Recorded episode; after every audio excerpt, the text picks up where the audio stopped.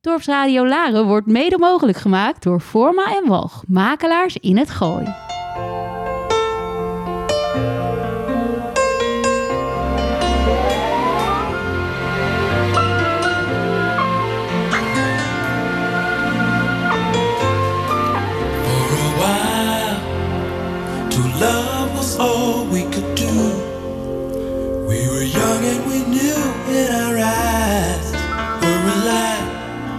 Deep inside, we knew our love was true.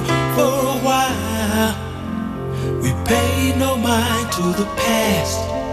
We knew love would last every night. Something right would invite us to begin the day. Something happened along the way. What used to be happy was sad.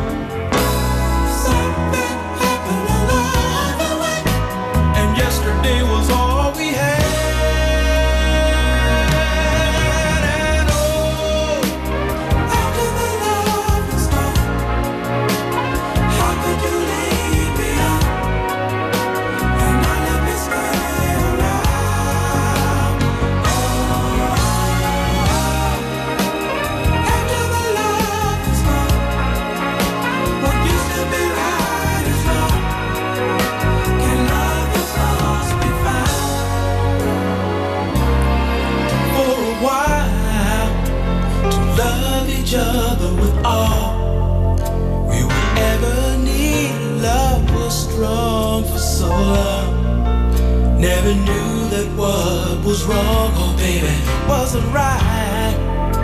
We tried to find what we had. Till sadness was all we shared. We were scared this affair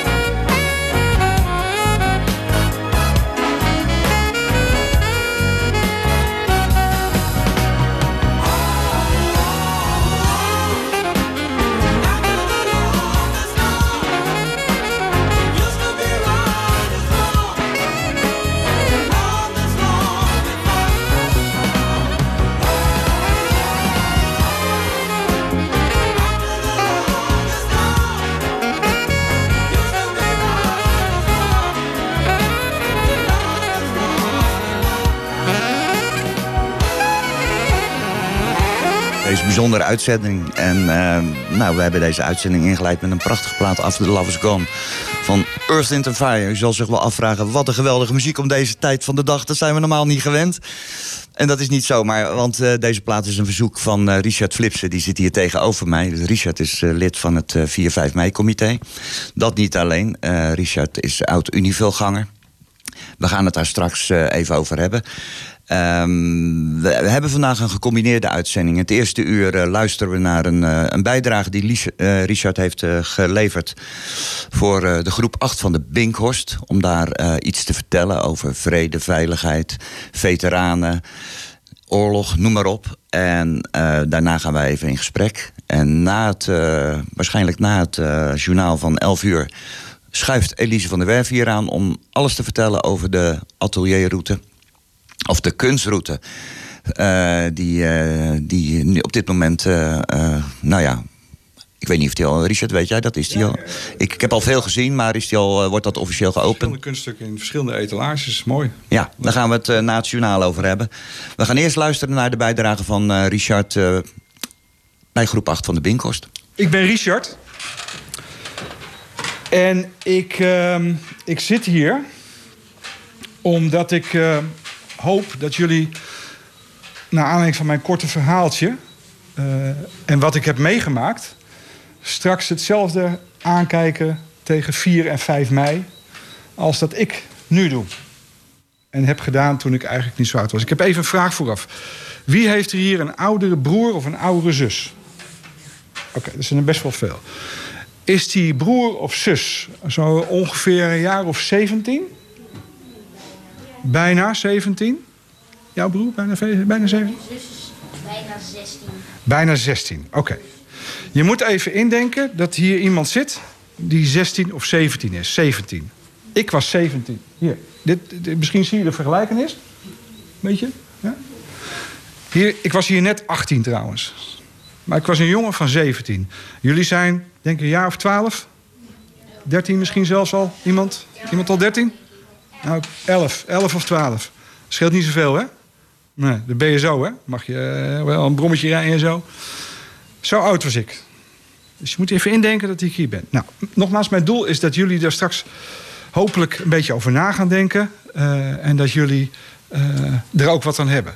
En ik wil eigenlijk beginnen helemaal aan het eind. Want daar staat, boven de juf hangt een kaartje, 5 mei 1945. Dat weten jullie inmiddels. Toen werd Nederland bevrijd van de oorlog. Dat weten we allemaal. Maar wie weet wat er eh, in de zomer van dat jaar, 1945, nog meer is gebeurd. Eh, nou, ik ga die vragen, want dat duurt misschien te lang. Ik ga het gewoon vertellen. Ik denk dat jij het wel weet.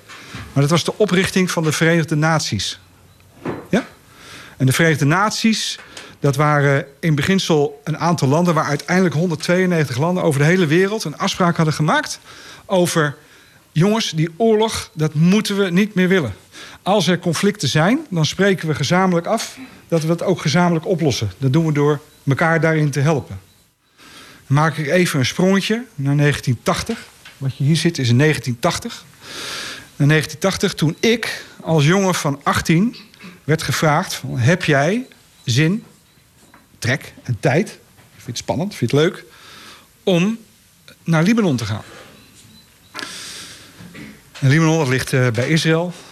En daar hadden ze toevallig heel veel ruzie met elkaar. Hebben ze nog steeds trouwens. Hè. Dat gaat allemaal over het land hè, van de Palestijnen en de Israëlieten. En die waren elkaar continu eh, met ruzie aan het maken en schieten en dat soort toestanden. Dus ze hadden mij met heel veel andere jongens gevraagd: van, goh, zou je daar naartoe willen? Ik heb toen eh, ja gezegd. En waarom heb ik ja gezegd? Nou, ik was het huis met het gezeur van mijn ouders was ik zat. Dus ik had zoiets van, ja, leuk. Ik wil, ik wil een avontuur beleven. Dat, zo zag ik het, hè? Een avontuur. Ze hebben mij geprobeerd van tevoren alles te vertellen over dat land. Daar luisterde ik er helemaal niet naar. Ik kon weg. Ik kan eigenlijk een soort van... Ik zag het dan een beetje als een vakantie. Hè, een mooi warm land. En ze hadden me een mooi filmpje laten zien... van hoe het eruit zag. Ik denk, dat is gaaf. Dus ik ging daar naartoe. Nou moet je je voorstellen dat je 18 bent. Ik had nog nooit in een vliegtuig gezeten. Nou, wie heeft er hier nog nooit gevlogen? Niemand. Of iedereen natuurlijk. Ja, nou, ik had nog nooit gevlogen. Ik vond het, eh, dus ik zat in het vliegtuig. Wauw, zeg. Hey. Ik wil naar beneden kijken. En op een gegeven moment landen wij op een vliegtuig, op een vliegveld. Nou, Schiphol kennen jullie, hè?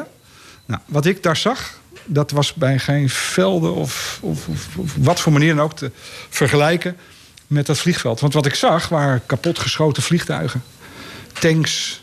Ik hoorde allemaal geschiet op de achtergrond. Het was in Beirut, was de hoofdstad, daar vlakbij. Toen dacht ik, holy shit. En wij moesten uitstappen en wij liepen naar een plein en daar stonden heel veel andere jongens die daar net allemaal een half jaar hadden gezeten met verstoft en die stonden een beetje vermoeid voor zich uit te staren. En wij stonden eigenlijk vol adrenaline. We stonden daar van, we gaan een avontuur beleven. En eh, ik kan me nog heel goed herinneren dat we stonden daar. En vlakbij was een, was een explosie, was een bombardement. Dus wij stonden allemaal zo. En die jongens die stonden heel onbewogen, gewoon bleven voor zich uitkijken. En dat, wat, ik, wat ik daarmee wil aanduiden is dat toen ik daar kwam, ik wist begot niet waar ik in terecht was gekomen. Dat, dat wisten we allemaal niet. Er was ons wel wat verteld. Je bent opgeleid, een beetje snel als militair. Heel spannend, hè? want je hebt een wapen in je handen. Jullie vinden dat waarschijnlijk wel heel gaaf. Hè? Wapens, hè? pistolen en geweren misschien. Misschien ook wel niet hoor. Uh, maar dat vond je, dat vond je stoer. Maar ja, uh, je denkt van ja, daar, ga, daar, moet je ook echt mee gaan schieten. Ja, dat, dat, dat, ik van, oh, dat vind ik eigenlijk helemaal niet zo, niet zo prettig uh, idee. Nou, dus wij stonden daar en die explosies. Nou ja, toen kwamen we in dat, in dat dorpje terecht. En in dat dorpje leerden we allemaal mensen kennen. Ik wil even heel snel naar. Nou, dit zijn ongeveer iets jonger en misschien jullie leeftijd. Dit soort kinderen liepen er allemaal rond. En dan denk ik oh leuk, wat gezellig. Maar die kinderen die leefden allemaal ja, in een oorlogsgebied. En ik had eigenlijk nog steeds niet door wat het nou was. Wat is nou, wat is nou dat oorlogsgebied? En natuurlijk, hè, ik maak even een stapje terug. Elk jaar met mijn ouders zat ik op de bank op 4 mei om 8 uur stil te zijn. En eigenlijk ja, uit respect gewoon stil te zijn. Zoals jullie dat denk ik ook doen twee minuten lang. En dan, dan, keek je naar de televisie en dat vond je eigenlijk maar saai. Want je wilde liever kijken naar goede tijden, slechte tijden. Of naar een leuke film. Of, eh, of, of misschien wel gamen. Eh, of op YouTube filmpjes kijken. Van de bankzitters of zo. Dus, dus, eh, maar ik moest, dat, ik moest dat zien. En dat zei me niks. Ik, ik had daar helemaal geen idee bij. Ik had wel eens aan mijn vader gevraagd. Die, die, die was tien toen de oorlog begon. Dus ik dacht van, ah, oké, uh, wat is dat dan precies? Nou ja, dat kan ik niet uitleggen. Bombardementen, die gaat dan wel vertellen. Net zoals dat ik jullie vertel. Maar het zijn we niet zoveel. Maar hij vertelde er niet zoveel over. Dus ik wil jullie graag even wat meer vertellen. Nou, ik moet even de tijd in de gaten houden. Want ik wil jullie, jullie hebben misschien vragen, hè? Hebben jullie, hebben jullie vragen voor straks? Ja. Ja? Ja? Dus dan doen we, gaan we ook even kijken of jullie vragen hebben. En, en kijk, misschien komt er nog wel een vraag tijdens mijn verhaaltje opzetten. Maar ik wilde ook graag iets vertellen wat opgeschreven is in een boekje. En het boekje is geschreven door Raymond. En Raymond was mijn dienstmaatje. Is iets ouder dan ik. En Raymond was ook uh, uh, uh, een hele grappige jongen, Amsterdammer. Bravoermannetje. Ken je ze wel, die Amsterdammertjes? Ah man, dat ga ik wel even doen hoor. Hoeven mij niet voor de gek te houden. Schiet ze meteen helemaal overhoop. Maar Raymond had zo'n hartje. Dus als er een mier liep, dan liep hij eromheen. In plaats van er bovenop te staan. Zo'n zo, zo mannetje. Weet je wel? Dus die had een hele grote mond, maar een heel klein hartje. En ik kon het eigenlijk wel heel goed vinden met Raymond. En hij heel goed met mij. Dus we waren een soort van dikke vriendjes. En wij moesten heel veel dingen moesten wij samen doen. Toen wij terugkwamen, ik maak even een sprongetje naar uh, september 1980. Toen wij terugkwamen van, van die missie, dat was het. Um, toen had ik een heel duidelijk beeld van mezelf. Wat ik heb gezien, dat neem ik mee. Dat is, ik heb heel veel ervaring. En ik was nogmaals net 18. Ik had eindexamen gedaan van school, maar ik wilde verder. En dat, dat, wat ik wilde, dat heb ik een beetje in die periode daar ontwikkeld. Van ja, ik moet iets gaan doen. Want, want ik, ik, ik, zie dat helemaal zitten. Dus ik ging naar school, ik ging, daarna ging studeren. Maar Raymond ging precies de andere kant op. Wat er met Raymond gebeurde, was dat alles wat hij had meegemaakt zat in zijn hoofd en hij kreeg het er niet uit. Dat heet PTSS, posttraumatisch stresssyndroom. Dus dat betekent dat je iets mee hebt gemaakt, wat zo'n impact op je heeft gemaakt, dat het eigenlijk uh, voor jezelf een eigen wereld gaat worden. En dat je steeds blijft afvragen, ja, maar wat als? En als ik toen dit, of waarom? En dat werd steeds verder. Dus Raymond raakte aan de drugs, aan de drank, had allemaal vriendinnetjes. Kreeg ook heel veel kinderen. Hij heeft acht kinderen. Acht kinderen, hè? Dat, is, uh, dat, is een, dat, is, dat zijn jullie, zeg maar. Dat zijn er bijna acht, acht kinderen. En Raymond raakte helemaal in de knoop. En Raymond belde mij regelmatig.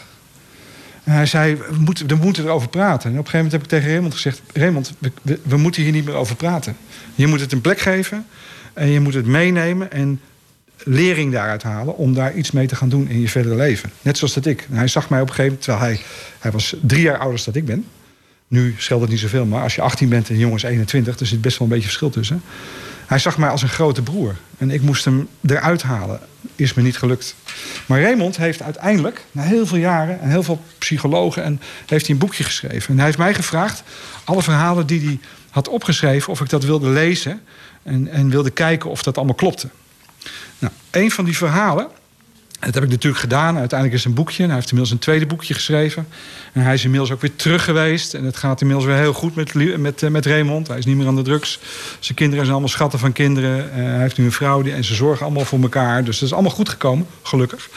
Ehm, maar hij heeft hier een verhaaltje opgeschreven. En dat verhaaltje dat, dat speelt zich af in de omgeving wat je hier een beetje ziet. Je ziet die, die, die, die steentjes, een muurtje. Ik begin even ergens halverwege het verhaal. Wat je je moet voorstellen als ik het voorlees, duurt vijf minuutjes, hè? dat kunnen jullie wel aan. Hè? Ehm, wat je moet voorstellen is dat wij, eh, wij moesten patrouilles lopen. Een patrouille betekent dat je dat van de plaats waar je zit het gebied door gaat lopen en gaat controleren of daar geen verkeerde dingen gebeuren. Wat ik net al zei, aan de ene kant hadden we Israël, aan de andere kant hadden we de Palestijnen die zich verenigd hadden in de Palestine Liberation Organization, de PLO. En die hadden ruzie met elkaar. Dus die wilden alleen maar rottigheid uithalen. Nou, de, de Israëliërs die schoten altijd over ons heen, naar die Palestijnen. Maar dat deden ze pas nadat de Palestijnen door het gebied waren gelopen en daar rottigheid hadden uitgehaald. En dat rottigheid, dat is, dat is eh, echt serious shit. Hè? Dat, is, eh, dat is echt eh, bommen leggen en proberen mensen pijn te doen, dood te maken en zo. Hè? Nou, ehm, en wij zaten daar precies tussenin als een soort van politie. Van Israël, blijf van die kant.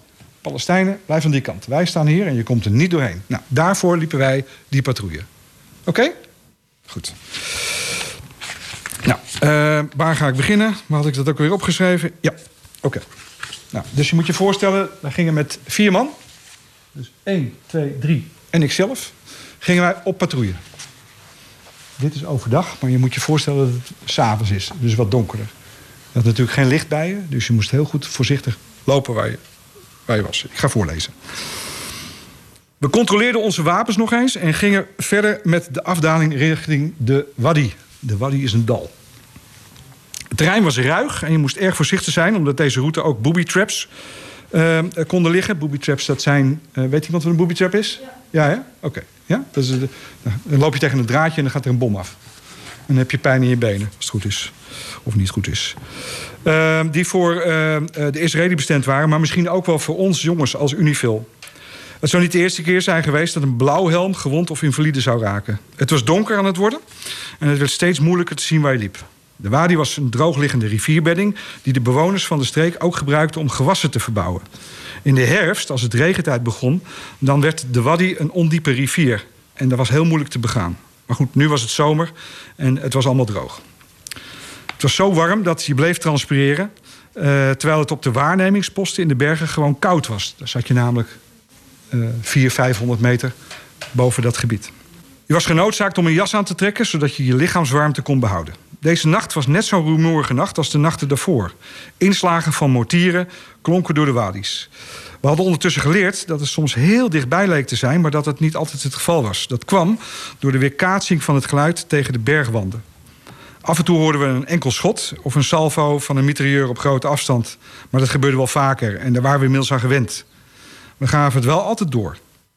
We waren al uren onderweg en liepen in de buurt van de buitenpost 7.21 Alpha. De waarnemingspost die honderden meters boven ons uitstak, liggend op de heuvel Al- Al-Quizan, dat is een moeilijk woord, en die zicht had op de IJzeren Driehoek. De IJzeren Driehoek, dat zeg ik er even bij, dat staat dat was een, een gebied waar Palestijnen, jonge mensen in de leeftijdscategorie van jullie, van 12 tot en met 16, opleiden om rottigheid uit te gaan halen in Israël. Denk er maar eens even over na. Dit gebied was gevaarlijk, want hier kwamen meerdere kleinere wadi's bij elkaar. Het was zaak alert te zijn en bij de les te blijven. De wadi werd wat smaller en lag met rotsen en keien bezaaid. Er was veel struikgewas in de wadi die tegen de helling opkroop aan allebei de kanten. Er stonden muurtjes van stenen die gemaakt waren voor de bewoners en door de bewoners van de streek om water vast te houden voor de gewassen die er verbouwd worden. Het zicht was slecht. Regelmatig struikelde je gewoon over de stenen. Jammer genoeg hadden wij geen infraroodkijkers bij ons, zoals de jongens op de waarnemingsposten dat wel hadden. Daar kon je redelijk mee kijken in de donkere nacht van Zuid-Libanon. We waren alleen en met een zaklantaarntje op patrouille. En dat is mij altijd een raadsel gebleven waarom. Bij het aandoen van zo'n flashlight was je namelijk meteen gespot. Ehm, eh, en was je dus een potentieel doelwit voor de vijand. Soms waren er van die dingen die je beter niet kon afvragen. Nou, plotseling hoorden we vanuit het niets het geluid van vele kogels die af werden gevuurd. Nou, nu is het verhaal zo, dat vergeet ik even bij te vullen. Ik was niet met Raymond hier. Raymond zat op een post vlak hierbij. Die zat op zo'n waarnemingspost. Dus die hoorde dat. Heb je een vraag? Bij wie hoorden jullie? Hoorden jullie bij de Israël of hoorden jullie bij de Palestijnen? Bij geen van beiden. Wij waren de politie die er tussenin stond. Van de Verenigde Naties. Wij waren dan het Verenigde Naties. Oh, dus jullie wouden eigenlijk dat ze vriendschap gingen? We moesten in ieder geval zorgen dat ze, geen, dat, ze geen, dat, ze geen, dat ze niet meer ruzie met elkaar konden krijgen. Zullen we de vragen even voor zo bewaren? Maak even, even kort het verhaaltje af. Ik ben er zo doorheen. Dus Raymond hoorde op die buitenpost dat er, eh, dat er schoten waren. Door de radio werd er geroepen: We worden beschoten, we worden beschoten. Toen was het even stil. Zij vroegen: Gaat alles goed? Maar er kwam geen antwoord. De compagniescommandant die gaf opdracht om alle patrouilles op dat gebied naar dat specifieke punt toe te gaan. Omdat ze dachten dat wij eh, neergeschoten waren. Eens even kijken, waar zal ik verder gaan? Ehm, de bedoeling was dus, eh, ja, nou, nu komt er een leuk stukje. Dat we op een gegeven moment hadden ze ons gevonden en we gingen terug naar het plaatsje waar wij gelegerd waren. Jullie zien dit petje, kan je zien wat erop staat? Dubbel stress. Ja, Verenigde Naties, maar dubbel, stress. Dubbel stress betekent, dat was mijn bijnaam. Je hebt in dienst altijd bijnaam, hè? De kale, de bolle. Nou, ik was dubbel stress. En waarom heet ik dubbel stress? Omdat ik, vonden zij, twee keer zoveel stress aankon als de andere. Dus ik, als, dus ik ga nu een stukje voorlezen, daar komt dubbel stress in voor. We liepen naar de radiokamer waar iedereen zich verzamelde om iets kouds te pakken en dat heerlijk op te drinken en natuurlijk de nacht te evalueren. Mijn vriend, die zich dubbel stress noemde, had het ook op zijn gevechtspetje geschreven. Ehm, die, had een uitdrukking, eh, of die, die had een uitdrukking op zijn gezicht alsof hij spoken had gezien. Grote pupillen, wit gezicht, een beetje vervreemd. Hij vertelde mij dat terwijl ze stonden te rusten bij een rotswand. Dit zie je nu op de achtergrond. Dit is die rotswand. Ehm, merkte de korporaal vier infiltranten op. Jonge Palestijnen van een jaar of 12, 13, gewapend met kalasjnikovs. Ze waren op korte afstand, meter of 20, 25. Dat is net iets verder als dat de juf nu zit van mij. Dus, dus net een klein stukje verder. Mijn vriend vertelde dat hij op een, op een bepaald moment was gestruikeld, opstond om zijn wapen te pakken en snel direct weer dekking zocht, omdat de kogels hem letterlijk om de oren vlogen. De vier jonge mannen stonden hun magazijnen volledig leeg te schieten op vier soldaten die geen kant op konden. Konden werkelijk geen kant op. Beetje dekking zoeken. Er was even verwarring in staan in het donker van de nacht, want het was de eerste keer dat ze zo van dichtbij werden beschoten. Voor iedereen was dat een geheel nieuwe ervaring. Een ervaring vol spanning, waarbij de adrenaline door je lichaam stroomt.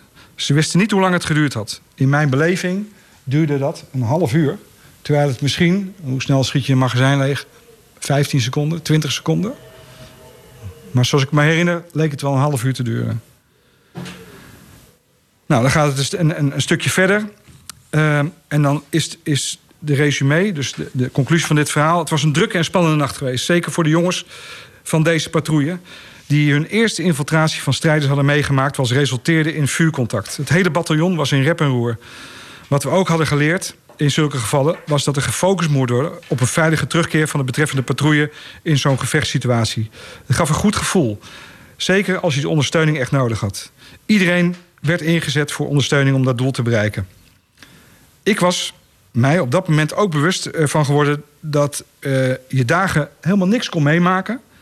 maar dat er dan opeens vanuit het niets een gevechtssituatie kon ontstaan. Eigenlijk was het niet meer dan normaal voor ons geworden... een situatie waarin we ons bevonden. Maar één ding hadden we ons allemaal vanaf dat moment voorgenomen. Geen van ons, allen, komt terug in een, invalide, in een invalidewagentje of in een lijkenzak. Dat leek ons allemaal niks. Nou, dit is een verhaaltje voor jullie. Voor mij is het iets wat ik heb meegemaakt. En hoewel het meer dan 40 jaar geleden is dat dit gebeurde, Als je goed kan rekenen, weet je dan ook meteen hoe oud ik ben. Maar het staat nog als de dag van gisteren in mijn geheugen gegrift. Toen ik terugkwam, en deze, ik heb meer situaties meegemaakt. En ik kwam terug eh, in, wanneer was het? September, oktober. Was ik een beetje ontvreemd. Ik kwam hier in een wereld waar we vloerbedekking hebben, waar auto's rijden, waar alles netjes is, winkels open, et cetera. Ik, moest daar, ik heb daar heel erg aan moeten wennen.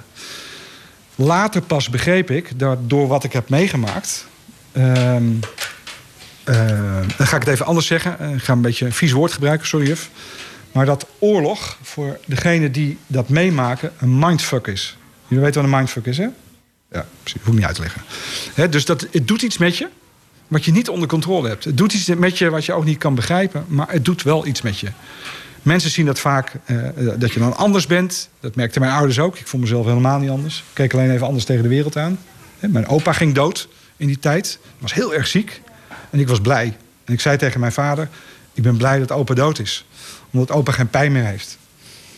Hij bleef dat heel anders. Ik was daar heel erg rationeel in. Dus heel erg gewoon dingen bekijken van, vanuit het standpunt van... ja, eh, weet je, het is beter zo. Ehm, wat wilde ik vertellen? Ja, dat wil ik nog even vertellen. En dan is het tijd voor vragen, denk ik. Komt heel mooi uit. Denk ik, juf? Ja, toch? Eh, juf is de timekeeper, hè? dus die moet op een gegeven moment zeggen... afronden. De eerste 4, 5 mei-viering, nadat ik hier was geweest... zat ik weer op die bank bij mijn ouders. Ik was inmiddels 19. En ik zat dat te kijken. En vanaf dat moment... Ik zat naast mijn vader... En ik zeg, pa, nou moet je toch echt eens vertellen aan mij... wat is er nou gebeurd in jouw oorlog? Want ik denk dat we nu met elkaar kunnen praten... dat je mij dingen kan vertellen en ik jou dingen kan vertellen... die ik begrijp op deze leeftijd. En toen heeft hij mij verteld wat zijn ervaring was... gedurende het bombardement van Rotterdam. Want daar woonde hij toen in 19... Te- Hoeveel? 10 mei 1940. 10 mei 1940, dankjewel. Ik wilde 42 zeggen, 10 mei 1940. Toen was hij een jongetje van 12, 11. Dus... ehm, en vanaf dat moment heb ik ook gedacht van... oké, wat vieren wij hier nu? En natuurlijk, je hebt een groep mensen... die hebben die oorlog heel bewust meegemaakt. Maar er zijn op dit moment steeds meer mensen... die de oorlog niet hebben meegemaakt. En voor wie 4 en 5 mei een vrije dag is. Of dat we een leuk festivalletje kunnen bezoeken, et cetera. Maar 4 en 5 mei, jongens en meisjes... volgens mij, wat we daarvoor moeten onthouden... is dat er is iets gebeurd wat we herdenken en wat we even symbool stellen voor iets wat vandaag de dag nog steeds gebeurt en morgen ook kan gebeuren. En ik zit hier nu als veteraan jullie mijn verhaal te vertellen. Maar misschien zijn jullie over twintig jaar wel degene die hier zitten en kinderen jullie verhaal zitten te vertellen. Ik weet de mensen die, die, die, die, geïnteresseerd zijn in, in of het leger in te gaan. Ik, ik moest daar naartoe, want dat was dienstplicht. Tegenwoordig is het vrijwillig. Maar het zou zomaar kunnen. En dan ben ik misschien wel die oude man in een rolstoel. Hè, die, oh, die veteraan. eh, En wij hebben het meegemaakt. En dat gebeurt vandaag de dag nog steeds. Hè. We bedoel, vorige week hebben jullie het in het nieuws gehoord... dat, dat, dat eh, de Verenigde Naties gaat zich terugtrekken uit Afghanistan. Er zitten ook Nederlanders, et cetera. Dus eh, die hebben dat allemaal meegemaakt. Ik zie de juf op het klokje kijken, dus dat betekent voor mij dat ik even nu mijn mond ga dichthouden. Het is heel kort. Het is heel kort wat ik jullie verteld maar ik, heb, ik hoop dat ik jullie iets mee heb kunnen geven. Stof ter overdenking. En denk daar volgende week maar eens aan als 4 mei is. Ik ben Isabella en ik heb een vraag. Zijn er al eh, mensen dat jullie daar gingen? Want jullie moesten dat, ja, die stenen verdedigen, dat ze niet naar is de kant van Israël kunnen. Maar zijn er ook mensen binnengedrongen of is dat voor, zijn er ook mensen er doorheen kunnen gaan? Ja. Die vier jongetjes waar ik het net over had, die, zei, die konden doorlopen. Dus die konden wat gaan doen. Dus eh, wij hebben onze taak daar niet helemaal goed kunnen uitvoeren. Helaas. Goed. De juf geeft aan wie de vraag stelt. Oké, hoef je dat niet te doen. Ik ben Boet en zaten jullie daar met alleen maar Nederlanders of ook mensen uit Amerika? Eh, er zaten geen Amerikanen, maar er zaten wel andere landen die ook bij de Verenigde Naties horen, die ook eh, troepen hadden gestuurd. De Fransen zaten daar, Fiji-eilanden zaten daar. Er zaten, eh, moet ik even denken, Zuid-Afrikanen, dacht ik, waren er ook. Dus een aantal landen die in dat hele brede gebied, het smalle strookje in Libanon, de veiligheid behield tussen de PLO aan de ene kant en de Israëli's aan de andere kant. En En wij zaten nog- op het meest nauwe stukje. Ik heb nog één vraag. Ja? Is er ook iemand overleden of gewond geraakt? Helaas wel. Ja. Gelukkig niet veel. Ook niet in de periode dat ik er zat. Maar Nederland heeft daar vijf jaar gezeten. Vier, vier jaar gezeten gewoon. Vier of vijf jaar gezeten. En in die tijd zijn er, eh, zijn er eh, eh, ik dacht uit mijn hoofd, drie jongens niet leven teruggekomen. Ehm, ik ben Julius. En hebben jullie zelf ehm, ook moeten schieten? Gelukkig niet. Oh. Gelukkig niet. Nee, gelukkig niet. Ik heb natuurlijk wel geschoten, maar op blikjes. Omdat het leuk was. Net als op de kermis. Maar ik heb gelukkig nooit op mensen hoeven te schieten. En zoals ik er nu tegenaan kijk, zou ik dat ook nooit doen. Ehm, waar ben je het meeste trots op wat je hebt gedaan daar? Even kijken. Ik wil even terug naar die twee jongetjes die we net zagen. Deze, die twee jongetjes. Er hoorde eigenlijk een derde jongetje bij. Dat was de oudere broer. Dat was Ali. En Ali, die had mij gevraagd of hij mij kon helpen. Dus Ali haalde voor mij water. En Ali, eh, die, die, die wilde altijd meedoen. En waar ik eigenlijk wel trots op ben, is dat ik die jongetjes... ondanks het feit dat ze in de oorloggebied woonden... toch een beetje vrijheid heb kunnen geven. Door ze te beschermen. Ja? Dus dat, daar ben ik op zich wel trots op. Ik ben blij dat ik dat heb mogen doen. Ik ben Lode en heb je ook nog wat anders gedaan dan in de patrouille? Ja. Oh. Ja. Er waren eigenlijk eh, er waren, eh, vier soorten diensten. Eh, ja, ik heb, er straks hebben, hoorde je het woord buitenposten al. Hè? Dus de, de, de buitenposten, de uitkijkposten. Daar waren er drie van. Alpha, Beta, eh, Bravo en Charlie. Eh, dat waren de buitenposten. Daar zat je dan twee dagen. Moest je ook slapen. Daar sliep je twee dagen in zo'n tent. In een bedje die je net even voorbij zag flipperen. En er lag een slaapzakje in. Ik sliep daar dan. En als ik wegging, dan ging de keer erop ging iemand anders in die slaapzak. Best wel vies eigenlijk, hè? Ja. Maar dat denk je daar niet aan. Dus dat hadden we. We hadden de patrouille. Je had gebouwen en IP-wacht. En dan rouleerde je zeg maar allemaal van dat soort dienstjes. Oh, wat een hoop vragen nog, jongens. Ik ben Koen en waren er alleen mannen in het eh, leger daar of ook vrouwen? Alleen maar mannen. Oké. Dat was het, ja. ja. Ja, dienstplicht voor vrouwen was het toen niet. Dus, eh, Ik ben Elise en als jullie daar dus eh, sliepen of in de nacht of zo, Ja. waren jullie dan niet bang dat er op jullie geschoten zou worden? Dat ze zeg maar ook tegen jullie waren, ehm, zodat, zodat ze daarna weer met de echte vijand konden vechten? Ja, nou, misschien zagen ze ons ook wel een beetje als een vijand. Niet zozeer als de vijand die hun iets zou doen, maar wel een lastpost. Dus wat ik net vertelde, het verhaal, ja, dat ze op je staan te schieten. eh, op dat moment begreep ik dat niet. Later begreep ik, dat het zijn jongens en meisjes van jullie leeftijd hè, die daar stonden. Die schrokken zich waarschijnlijk helemaal de, de, de rambam dat wij daar ineens waren. Dus de eerste reactie die ze hebben, zonder dat ze het door hadden. Dus na die 12 of 15 seconden hadden ze waarschijnlijk ook zoiets van... "Oeh, wat hebben we in godsnaam gedaan? Dus die, ik denk dat die ook heel erg geschrokken zijn. Maar eh, eh, je vroeg of ik, of ik bang ben geweest. Op die momenten niet. Je bent pas bang op die momenten... eh, je bent pas bang als je gaat nadenken over wat er had kunnen gebeuren. En dat is een beetje dat verhaal van Raymond ook. Dat, hè, dat als je dat niet goed een plek kan geven, niet goed verwerkt... dan loop je dus kans dat je het maar blijft afvragen... en bang en bang en banger wordt, rare dingen gaat doen... en dan dus een posttraumatische stressstoornis aan het opbouwen bent. Dus dat klinkt allemaal heel academisch... Hè, maar het is gewoon eh, weet je, dat je ziek blijft in je hoofd. Dus mij is dat gelukkig niet overkomen. Dus ik ben eerlijk gezegd nooit bang geweest. Ik ben wel voorzichtiger geworden. Als het geen oud jaar is... ik lig s'nachts in mijn bed en het onweert... of er wordt vuurwerk afgestoken... dan schiet ik nog steeds recht overeind. Want dan, dat klinkt als, als die schoten van toen. Dat is het enige wat er gebeurd is. Dat is het enige, maar dat komt omdat ik dan slaap. Dus dan kan ik niet bewust nadenken. Dat is niet onderbewustzijn. Dus dat zit nog steeds erg heel diep zit dat bij mij in. En zodra ik rationeel kan nadenken... denk ik, nee, wordt het onweer, of dat is vuurwerk... of er wordt niet geschoten. Laatste twee. La- laatste twee. Laatste twee. Ehm, ja. Ik ben Gijs en hoe vaak heeft u zo'n eh, patrouille moeten doen? Hoe vaak? Ja. We hebben daar zes maanden gezeten. Ik mocht twee maanden tussendoor, of twee weken tussendoor met vakantie. Dus dan houden we netto eh, 24, zeg maar een week of eh, 23 over. 23 weken. In, die, in een week liep je eh, in ieder geval eh, drie keer een, een nachtpatrouille, drie keer een dagpatrouille. Dus ja, eh, ik zou zeggen, reken het zo even uit. Ik denk heel vaak. Ik denk heel vaak. Ja. Ik ben Max en mijn vraag is... Hoe voelde je tijdens je, je patrouille? Ehm, oh, dan moet ik even heel goed nadenken. Ehm, ik voel. eh, eh, eh, hoe voelde ik me tijdens de patrouille? Heel geconcentreerd. Heel erg opletten. Omdat het donker wordt, dus je moest nog meer, nog meer luisteren. Dus je was niet met elkaar aan het praten. Ik, ik nam dat best wel. We namen dat best wel serieus. En met name nadat wat ons was overkomen. Daarvoor misschien wat minder, maar daarna ben je heel erg alert. Dus eh, je hebt altijd een bepaald soort spanning. Eh, en je kan je best vergelijken dat jij... eh jullie hebben de CITO-toets gedaan, of gaan die nog doen? Wat hebben jullie al? Gisteren toevallig. Dus als je zo'n CITO-toets moet doen... dan ga je toch met een ander gevoel naar school die ochtend. Klopt dat? Ja. Een beetje, heb je een beetje spanning, een beetje in je buik voel je dat, hè? Ja. Nou, dat had ik daar ook.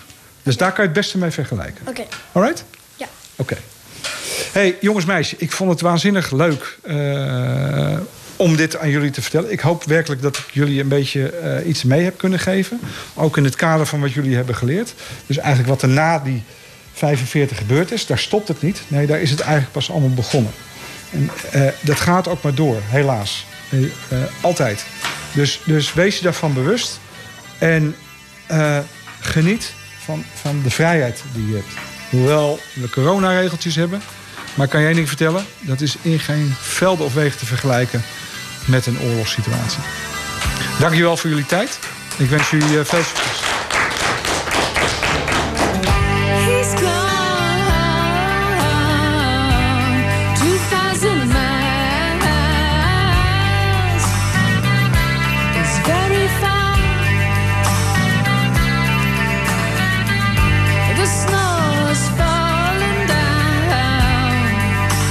It's cold.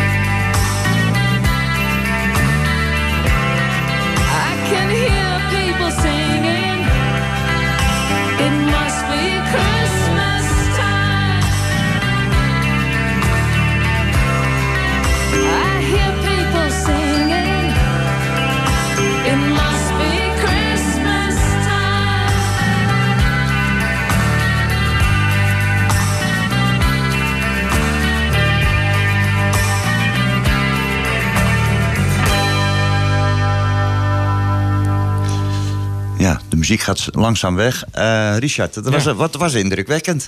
Jij eh, ruim een half uur eh, uitleggen aan kinderen van groep 8 was het volgens mij van de, van de Binkhorst. Dit was, dit was groep 8. Ik heb twee keer groep 8 gedaan, twee keer groep 7 gedaan. Ehm, en die laatste klas was dan gecombineerd. Dus ik heb het verhaal drie keer verteld. Ik, ik merkte ook aan mezelf toen ik het verhaal vertellen was, dan kom je er ook weer een beetje in. Hè? Ehm, dat, eh, dat, je, dat je het verhaal nooit hetzelfde vertelt. Het gaat natuurlijk wel over hetzelfde. Maar het, het is ook een beetje de interactie met de groep zelf. Dus het Ja. was heel leuk dat die kinderen ook zelf de vragen hadden. En eh, ik heb zelf ook jonge kinderen, dus ik weet, eh, we, het, hoewel we hier thuis nooit echt heel veel over hebben gesproken, eh, komen er wel eens wat vragen. En dan, dus je weet wat, wat, wat je een beetje kan verwachten. Ja, want het is natuurlijk best voor die leeftijdsgroep ook een zwaar onderwerp. En ze zullen ongetwijfeld wel eens iets meenemen op radio of televisie van een conflict ergens in de wereld of in Nederland. Ja. En dit is natuurlijk radio. Wat Ja. wij niet gezien hebben is Nee. hoe zit zo'n klas er dan bij? Hoe, hoe ervaren die dat? Nou, die, die, die zijn goed voorbereid, dat even ten eerste. Hè. Dus eh, eh, ze hebben het er, eh, de afgelopen weken hebben ze het over oorlog gehad. En even voor de goede orde, hè, die kinderen die kennen oorlog eigenlijk alleen maar misschien inderdaad van televisie, van beelden die je heel even kort ziet. En daarna gaat het weer over de, over de keukenhof die dicht is en weet ik wat allemaal. Dus ja, in hoeverre, in hoeverre dat echt in die hoofdjes zit, dat weet je natuurlijk niet. Ehm, en misschien van de oorlogsfilms, et cetera. Dus dat was ook een beetje het doel van dit verhaal, om het iets werkelijker te maken. Om ook eh, eh, wat wij met z'n allen op 4 en 5 mei herdenken, om dat eh, op een andere manier ook te benaderen. Zodat ze daar in de toekomst ook wat anders naar kijken. Ja, wat, wat is Ja. het belang voor jou eh, eh, naar die kinderen toe om dit verhaal te vertellen? Nou, het, be- het, het belang is, is eigenlijk redelijk eenvoudig. Hè? Ehm, Sluit dat eh, misschien aan bij een van de eind, volgens mij de eindzin die je zei van het is niet gestopt in 1945 toen is pas begonnen. Nee, natuurlijk niet. Nee. Kijk, en helaas zal dit nog jaren zo, door, zo doorgaan. Hè? Dus oorlogen zijn er nu eenmaal altijd. Dat is, dat is, dat is op zich heel vervelend. Het is niet alleen maar wat we herdenken op 4 en 5 mei. is de, is de, is de, de, de 40-45 situatie. Natuurlijk gaat het daar natuurlijk voor 80, 90 procent over. Maar wat je ziet is dat dan in de toekomst dat, dat steeds vager gaat worden. Dat beeld wordt vager. De mensen die dat daadwerkelijk hebben meegemaakt, die worden minder en minder. En straks zijn het gewoon alleen maar de verhalen en zijn het niet meer de mensen die het kunnen vertellen. Dus ik zag het, eh, zie het nog steeds een beetje als mijn missie om eh, juist die kinderen dat ook mee te geven dat het eh, bij mij gebeurd is. Ik ben nog bij leven, maar dat, dat, dat zij dat ook zouden kunnen meemaken. Dus het beeld wat er moet ontstaan volgens mij is dat je vrijheid eh, eh, eh, op een andere manier of op de, op de manier van vandaag de dag gaat beleven. Dat ze, daar, dat ze, dat, dat ze zich dat realiseren. Ja. Dat het niet iets is zoals vanzelfsprekend is. Nou, ergens in het verhaal vertel je ook dat je ook met je ouders op de bank zat. Ja. Als, de, als de dodenherdenking Ja. was, precies om, om, om even voor acht. Ja. En heeft, dat, heeft die hele dodenherdenking na jouw eh, diensttijd... en zeker die tijd eh, als Unifil eh, soldaat... heeft het een andere lading gekregen? Ja, Sta, sta jij er Ja. nu anders in? Ja. ja. nou, Kijk, voor mij is 40, 45 ook iets wat ik niet zelf heb meegemaakt. Maar ik kan wel zeg maar, het beeld oproepen van hoe dat geweest zou moeten zijn. Terwijl het ook weer niet met elkaar te vergelijken is. Hè? Eh, dus dat is een beetje het vervelende van het verhaal. En natuurlijk kennen we allemaal ons. eh, we kennen de films. We hebben Soldaat van Oranje gezien. Eh, dus je hebt wel een beeld wat, wat, hoe, vreselijk dat heeft moeten zijn. Maar dat is ook het fijne dat ik. Dat ik, ik, maar ik keek daar anders tegenaan toen ik terugkwam. Want ik wist, ik had ineens in, in, in, zelf in een, een deel uitgemaakt van een oorlog. Ja. En dat is heel onrealistisch, ook als je terugkomt. En zeker in een, in, in, een wereld zoals we die, hè, dus dat wil ik ook zeggen, eh, ineens auto's eh, met deuren. Terwijl ik gewend was naar auto's te kijken zonder deuren. er is daar rond en vloerbedekking en, en huizen die behangen zijn. Het ging hier allemaal om, om, om hoe het eruit ziet. Daar was het gewoon overleven. Eh, Dus die koud-warm situatie, ja, dat is iets waar je niet echt aan kan wennen. Dat, duurt heel lang voordat je het een plek kan geven. Je, vroeg in het begin heel mooi aan, eh, aan de klas van eh, wie heeft er een, eh, een oudere broer of zus. En hoe oud is die dan? Was die misschien 17 of 18? Ja, en dan ja. begint jouw verhaal. Want je Ja. was zelf van die leeftijd toen jij zelf besloot eh, om, om daar naartoe te gaan. Ja, vervroegd dienst aangevraagd. Eh, eh, je, je moet een aantal maanden dienstplicht ver- verrichten in Nederland. Dat je vertelde net al van, nou, dat was twee maanden minder. En er zaten ook nog wel meer voordelen in mijn, in mijn belevenis aan. Tuurlijk. Wat, wat, maar wat was voor jou de directe aanleiding om te zeggen, nou, dat ga ik gewoon doen? Nou, echt de directe aanleiding. Er zijn natuurlijk dingen, wat ik net al zei, hè, of wat ik heb gezegd. Het, het- het avontuur, Eh, het feit dat je twee maanden eh, minder hoeft te dienen, dat is een, voordeel. Dat sloot dan precies aan bij het opvolgend schooljaar. Dan kon ik weer verder. Eh, en, en dat je dan niet thuis hoefde te zijn bij je ouders. Hè, een beetje die, die vrijheidsdrang die je hebt op die leeftijd. Lekker een beetje aan het puberen. Ehm, maar wat, er zit ook wel een stukje ideologie in van mezelf. Hè. Ik, ik zag mijzelf niet een half jaar hier op de Nederlandse Heim met een rode dop in mijn loop liggen. Eh, en poef, poef, poef van ik heb je geraakt. Een beetje dat spelletje te spelen. Ik had werkelijk het idee dat ik ergens aan bij kon dragen. Dat ik iets kon doen. En zo werd het ook daar een beetje verteld. Een beetje gepropagandeerd. Misschien iets mooier voorgedaan dan dat het in werkelijkheid was. Maar goed, hè, dus ik, ik had zoiets van... ik kan mij ook nuttig maken in dat jaar dat ik dat doe. Dus dat, eh, dat, dat sprak mij wel aan. En dan de voordelen die bij horen... Ja, dat waren een beetje de, het la, laaghangende fruit voor, eh, voor de overheid... om mensen over te halen, denk ik.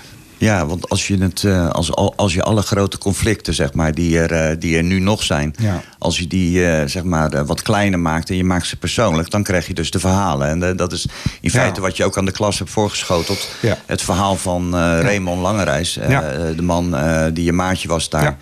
En die daar Gringo werd genoemd volgens mij. Gringo, ja. Twee boekjes heeft geschreven. En het verhaal van Richard. Het zijn Ja. twee verschillende verhalen. Want je geeft zelf wel aan... nou, het werd misschien toch iets anders voorgesteld... dan Ja. wij in, in, in werkelijkheid eh, bij aangetroffen. En Richard schrijft daar zelf... Raymond, eh, of of, of eh, eh, Raymond, eh, Ja. die zegt daar zelf ook over. Van, Het was ons iets anders voorgeschoteld. Op de kazerne werden we gelokt met beelden van goudgele stranden... soldaten die in de zon vrouwen fotografeerden. Vakantie dus. Maar toen ons vliegtuig de landing naar Beirut inzette... zag ik niets dan, anders dan verwoesting. Onze voorgangers stonden te wachten om naar huis te gaan. White staring eyes, de lege blik in hun ogen. Ja, ja. Ervaarde jij dat ook toen je aankwam? Eh, ja, dat, dat heb ik ook eh, aangegeven. Dat, dat, eh, dat, dat- dan sta je tegenover de groep die in datzelfde vliegtuig weer, weer teruggaat. Na daar een half jaar te hebben gezeten. En dan sta je eigenlijk naar lege blikken te kijken. Mensen die wezenloos. En ook, ook van elk knalletje hadden wij zoiets van moeten op de grond gaan liggen of zoiets. En dat is, dus de, hoe je in een half jaar tijd. Eh, en dat gaat nog sneller. Maar hoe je in een half jaar tijd gewoon ongelooflijk kunt veranderen eh, als mens. En dat is met mij gebeurd, dat is met Raymond gebeurd. En ik denk met iedereen die daar gezeten heeft, is dat gebeurd. Ja. Hè, En daar, daar zitten natuurlijk nuances in. Eh, De een komt terug en vindt het moeilijk om weer terug te gaan in het leventje. Ja, hoe werkt dat? Want je geeft aan eh, eh, in, in, het, eh, in, het, eh, in de voordracht aan de klas... geef je wat je, wat je meemaakt, neem je Ja, mee. Ja, En eh, Ja. wat jij hebt meegenomen, dat is, eh, Ja. is waarschijnlijk net zo indrukwekkend als, als Raymond Langereis. Ja. Alleen jullie hebben het op, echt op een totaal andere manier verwerkt. ja. Ja, weet je, Is dat dan een kwestie van karakter? Dat is, ik vind dat zo'n lastig te beantwoorden vraag. Ehm, eh, ik kan alleen maar voor mezelf spreken natuurlijk. Hè. Wat ik heb gezien is dat als twee mensen ongeveer hetzelfde meemaken... en daarna terugkomen in exact eenzelfde soort situatie... het bij de een iets totaal anders doet dan bij de ander. Eh, en als ik dan voor mezelf even kijk wat het bij mij gedaan heeft... Ja, ik, heb dat, ik heb geprobeerd alles wat, noem het dan maar even negatief was... wat ik heb gezien, om te buigen naar iets positiefs... en te kijken of ik daar iets uit zou kunnen halen. Of dat als bagage mee kan nemen. Ik was bijvoorbeeld heel erg gemotiveerd om...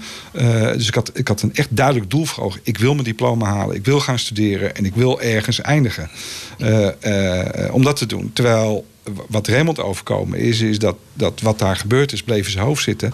En dat werd erger en erger en erger. Eh, en daardoor is, kwam hij er niet meer uit. En jij slaagde erin om bij terugkomst in Nederland... toen je weer, eh, zoals je mooi omschrijft in, in al die metaforen... van toen, toen lag er weer tapijt en Ja. toen zaten er wel deuren Ja, ja. in de huizen. Kon, jij, kon jij eigenlijk vrij makkelijk de draad weer oppikken?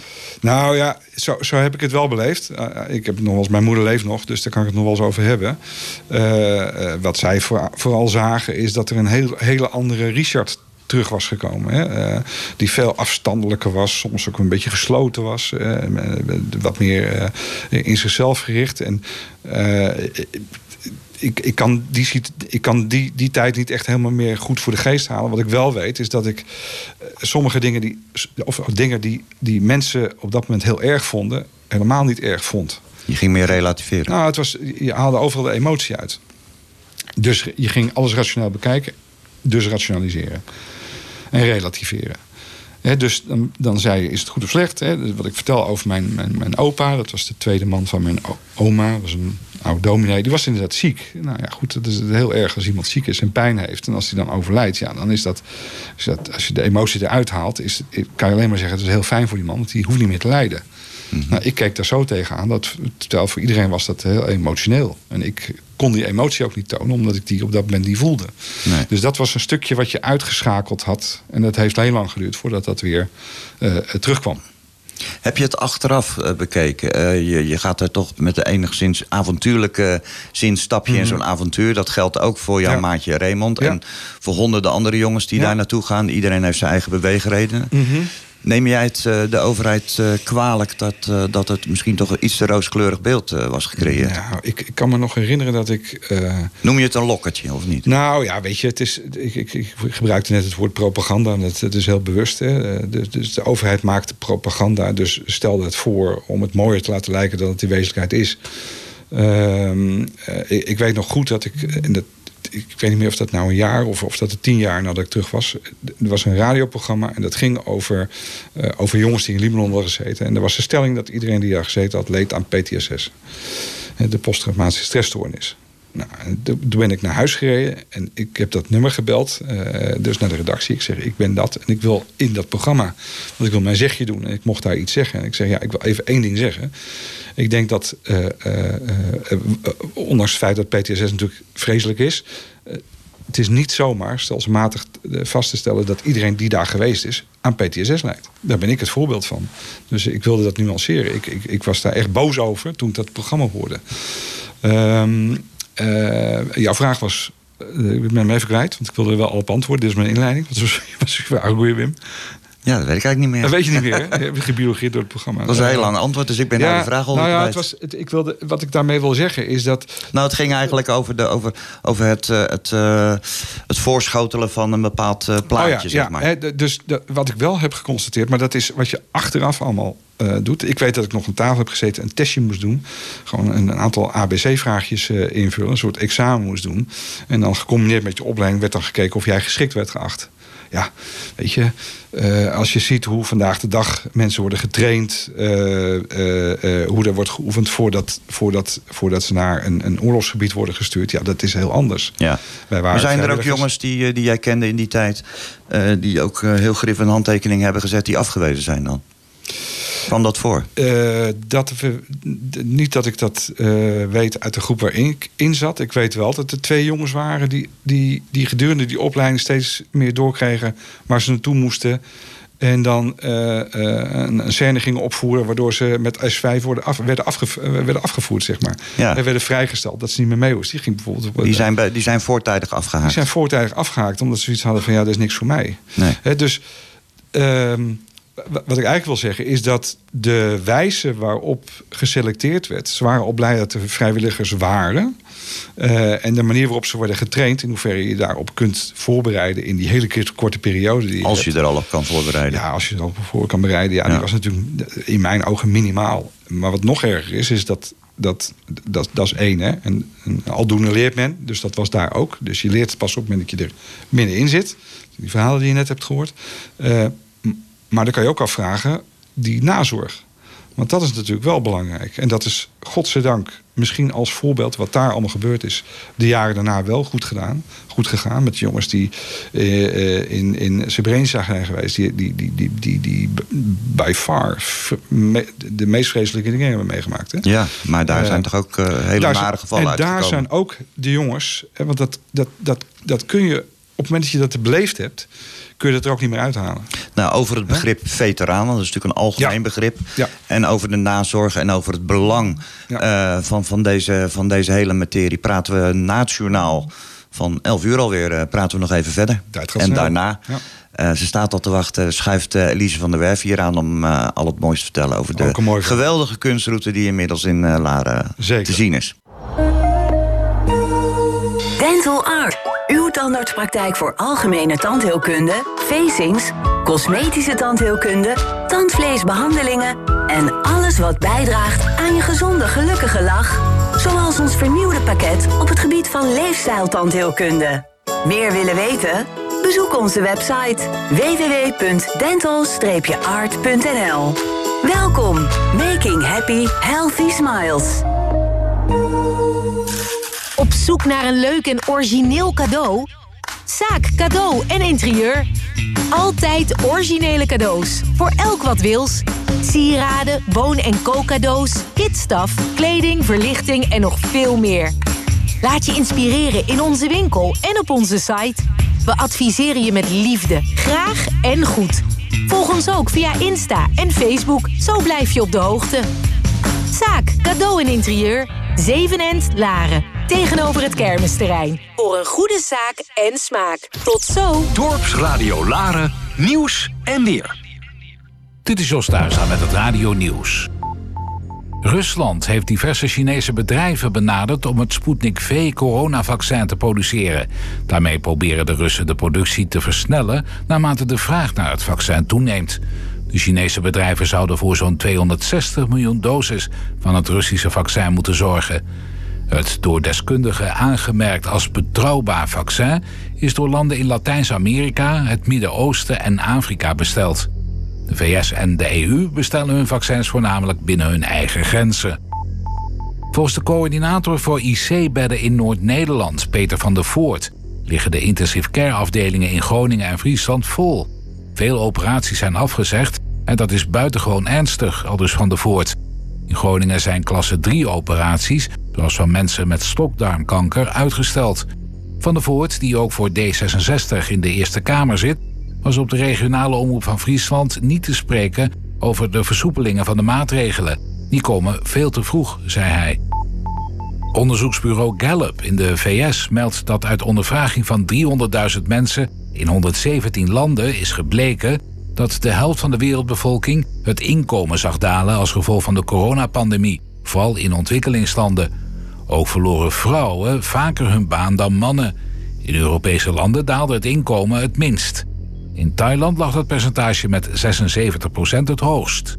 In de VS verloor 39% van de beroepsbevolking een deel van het inkomen.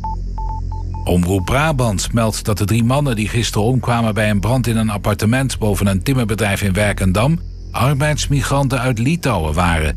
Ze werkten niet voor het bedrijf. De brand brak gisteren rond 8 uur uit en de brandweer had het vuur pas om kwart voor vier onder controle. De lichamen van de mannen zijn s'avonds gevonden. Het weer, veel bewolking en vanmiddag tot in de avondperiode met regen of een bui. Het wordt 10 graden op de Wadden tot 15 in het zuidoosten. Er staat een matige tot vrij krachtige, aan de kust krachtige zuidwestenwind. Tot zover het radionieuws. Q-Storage is een nieuwe self-service opslag voor het kort of lang opslaan van je spullen, zowel privé als zakelijk. Alles waar je zelf even geen plaats voor hebt. Onze opslagunits vind je in ons goed beveiligde pand in Naarden. Boek eenvoudig online via q-storage.nl vanaf 16 euro per maand. Nu één maand gratis. Q-Store Naarden. Boek online en je hebt direct toegang tot je eigen unit. Balance in Life. Op zoek naar positieve, helende energie? Vanuit eigen ervaring en inspiratie biedt Ekaterina begeleiding bij het vinden van een nieuwe weg. Waarin creativiteit en vitaliteit in kunst centraal staan.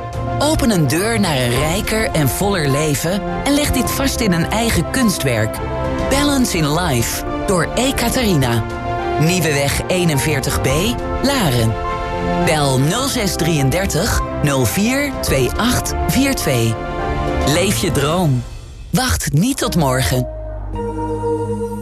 Hou je van tennis, sportiviteit en gezelligheid? Kom dan tennissen bij het Laar. Idyllisch gelegen achter het hertenkamp. Op deze locatie hebben wij zes prachtige gravelbanen, een minibaan voor de kleintjes en een mooi zonnig terras met clubhuis. We werken met ervaren trainers en organiseren veel leuke evenementen en toernooien.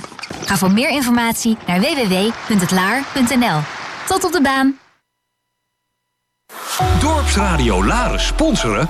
Kijk op onze website dorpsradio.nl of bel 035 781 0781.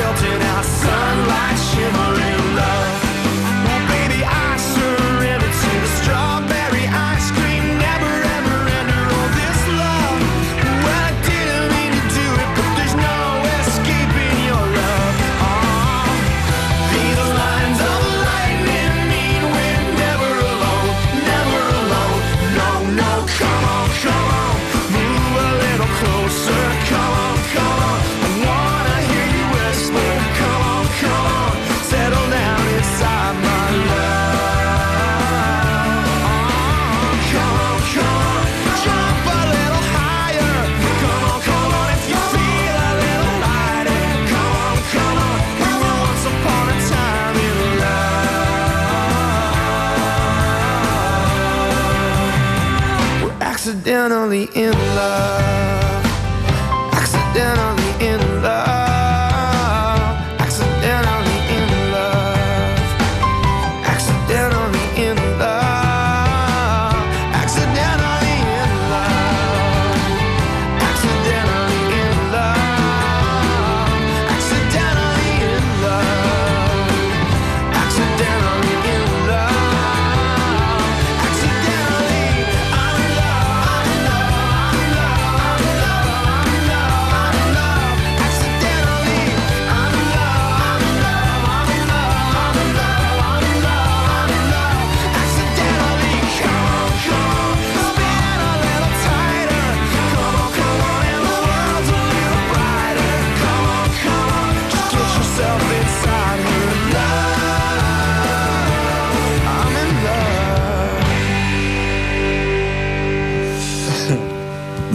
nou, we zijn, eh, waar zijn we gebleven, Richard, eh, voor het eh, journaal en, en de muziek bij het begrip veteraan. Ja. Het begrip veteraan kan je niet op één op één zomaar neerleggen. Dat, die bestaat niet. Neem alleen, eh, dat heb je ook heel goed aan de leerlingen uitgelegd, denk ik.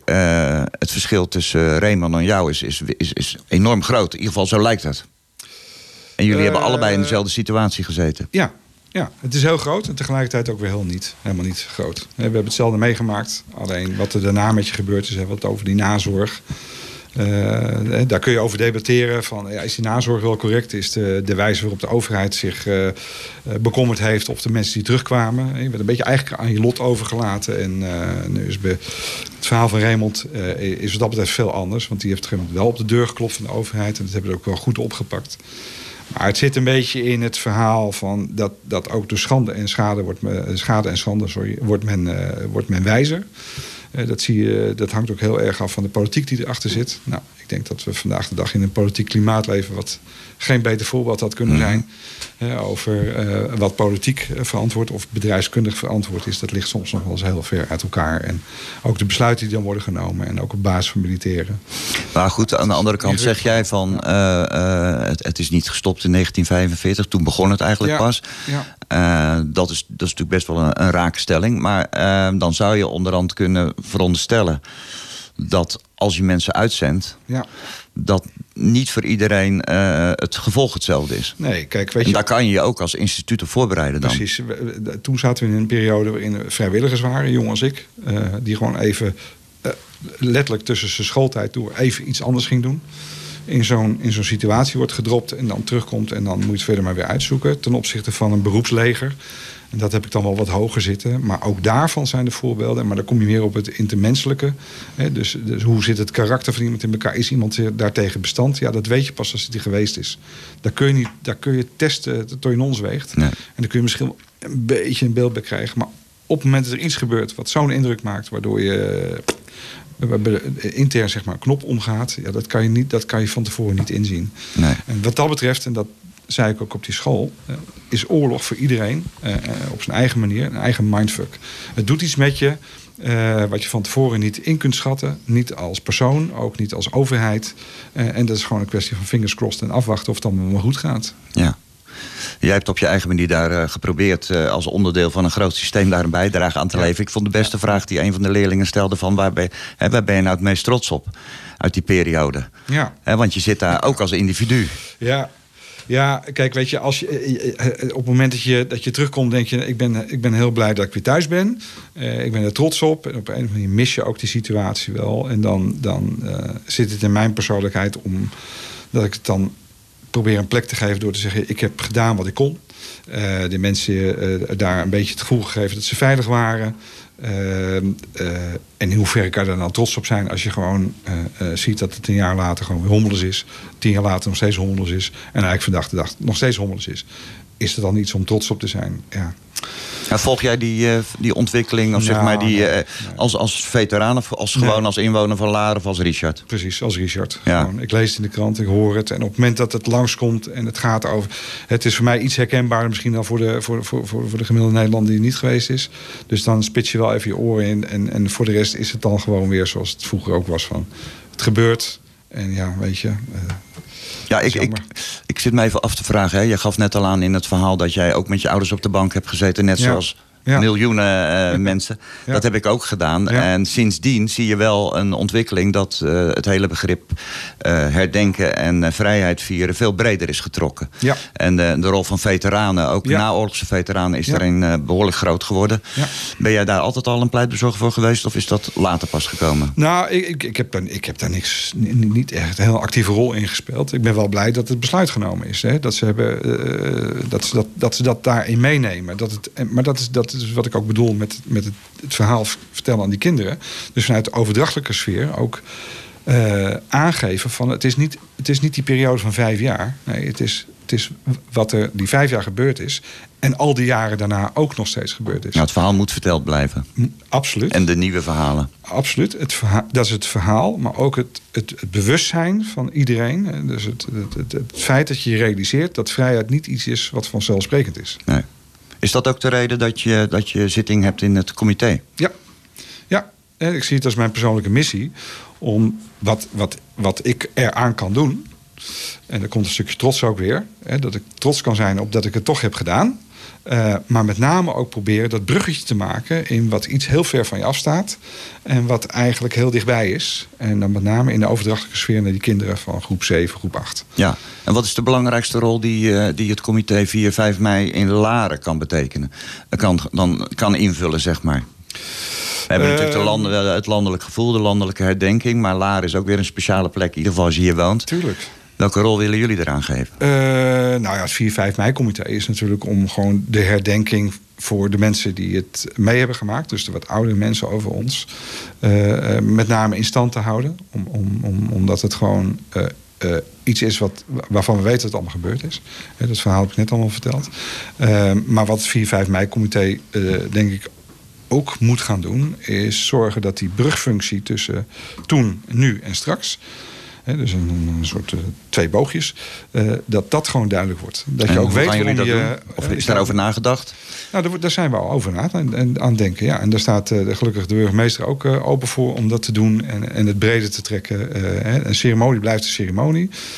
Ook dit jaar helaas weer in beperkte sfeer. Maar de laatste keer dat ik hier stond ehm, en mee heb gelopen in de stille tocht. En, en mijn kinderen daar bewust mee heb genomen. En ook laat zien van hè, dit doe je ergens voor. Dit staat voor meer dan wat er gebeurd is. Eh, dat we straks staat, dat, dat, dat, dat het hier helemaal vol staat. Dat het hele, hele park hier vol staat eh, met mensen die daaraan meedoen. Ja, de, de Ja. herdenking zoals die eh, was en is, die zal altijd blijven bestaan. Ja. Maar daaromheen Ja. zal de discussie en, en het gesprek zal breder moeten. Dat denk ik Om het ook ja. levend te houden. Ja, helaas is daar nog steeds aanleiding voor. Ja, even terug naar de normale herdenking. Jij bent een van de kransleggers, heb ik begrepen. Ik mag morgen namens de veteranen een krans leggen met eh, een van de leerlingen. Eh, in dit geval een leerling van de Montessori school. En dat doe je met evenveel trots als misschien de momenten waarop je terugkijkt op die kleine bijdrage die je ooit hebt geleverd. Ja, ja.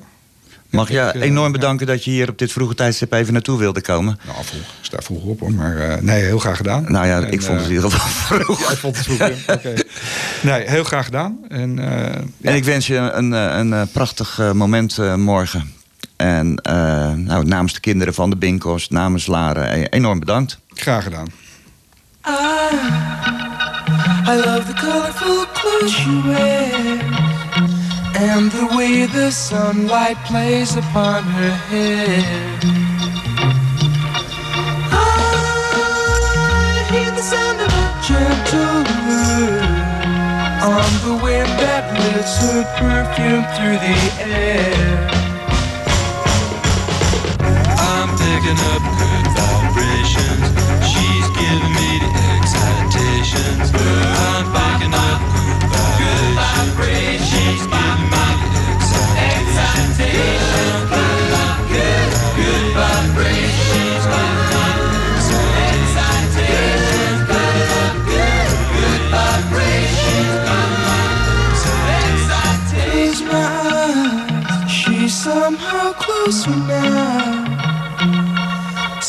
Softly smile, I know she must be kind.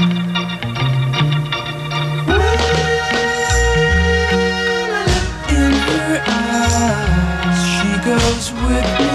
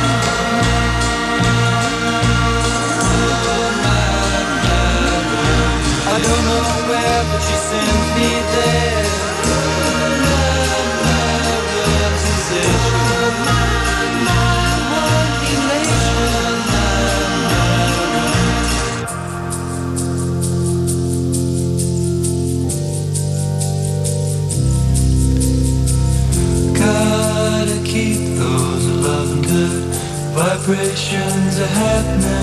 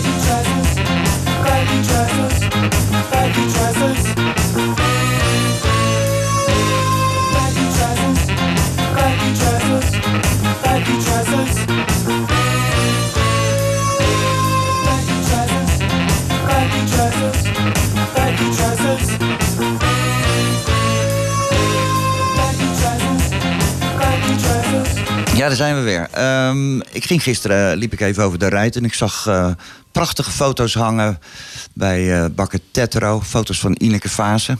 Nou, zo herkenbaar, want wie kent de foto's van Ineke Fase niet? Prachtige bloemen die, waar je, nou ja, eigenlijk van, die kunnen van alles uitstralen. Hè? Elke keer kan je er een betekenis aan geven. En in dit geval is dat vrijheid. En die hangen daar niet zomaar. En dat, dat gaan we vragen aan eh, Elise van der Werf. Welkom. Ja, dankjewel. Elise, Fijn jij bent ook lid van zijn. het eh, comité 4-5 mei. Ja. Waarom ben jij daarin gestapt?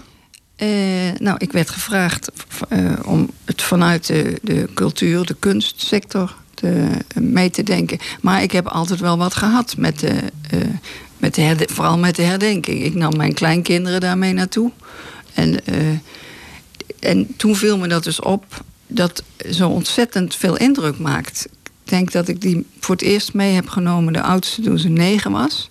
En eh, die vond het reuze interessant allemaal. Die stond de ogen uit haar hoofd te kijken. Meegelopen in die tocht.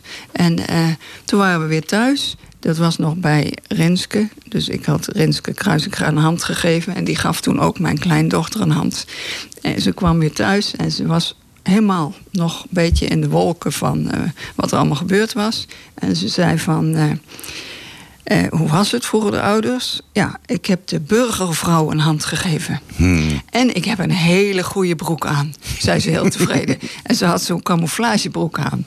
Dus dat had natuurlijk niemand daar. Nee. Maar ze had dus wel begrepen dat dat bij de oorlog hoorde. En dat zij had die broek aan, was helemaal goed. Ja, prachtig. Die, eh, je ja. zegt ook, eh, nou ja, je, je, hebt- je hebt sowieso iets met het hele begrip herdenken en vrijheid vieren. Ja. Maar je hebt ook iets met beeldende kunst. En Ja.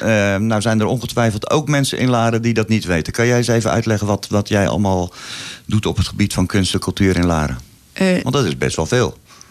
Ja, je hebt twee kanten. Je hebt het bestuurlijke en je hebt het... Nou, eh, noem ze de- allebei. De, de, beel- uitbeeldende kant. Vertel. Nee, zelf doe ik, maak ik schilderijen en ik klei.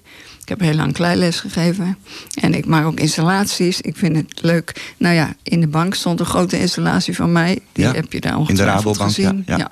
die, eh, maar dat, dat vind ik ook heel leuk. Om iets, een situatie uit te beelden eh, met een installatie.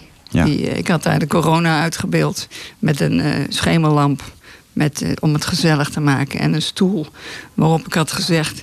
ik ben even wandelen, want ik had zo genoeg van die corona. ik wou wel eens weg. En daaromheen allemaal artikelen van...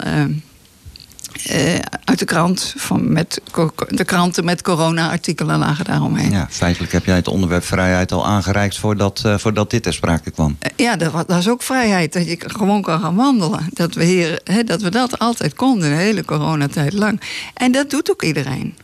Die, nou, zal ik nog even de bestuurlijke kant. Ik zit in het bestuur van de Hamdorf Tekenclub. Die tekende de laatste jaren ook in de bank. Eh, omdat Ja. we geen lokaal meer hadden, omdat de Gooise Academie eh, meer plek nodig had voor zijn eigen mensen, omdat natuurlijk minder mensen in één lokaal konden. En die moeten ook blijven draaien, die Gooise Academie. Maar daar gaan we graag weer naar terug. Ja, zolang het nog kan, hè? Zolang het moeten nog we even kan, afwachten we hoe lang even- er nog toegang is. dat eh, allemaal loopt. Ja. De beslissing moet nog, Ja. gevallen worden, eh, moet nog vallen. eh, maar Ja. hopelijk, voor, in ieder geval voor de kunstenaars, kan het nog een tijdje doorgaan. Ga- dat Laten we tekenen dat we even graag. afwachten. We tekenen nou helemaal niet natuurlijk. Maar Nee. zodra het weer mag, komen we graag weer even in de bank tekenen. Ja, nu we het Dat toch over een- kunst hebben, want daar gaat het in feite dit onderwerp over. En we kunnen natuurlijk heel lang een discussie voeren. En dat is misschien een hele gezonde discussie. Is Laren nou een eh, kunstenaarsdorp of is het een dorp met veel kunstenaars? Daar zit toch een nuanceverschil in.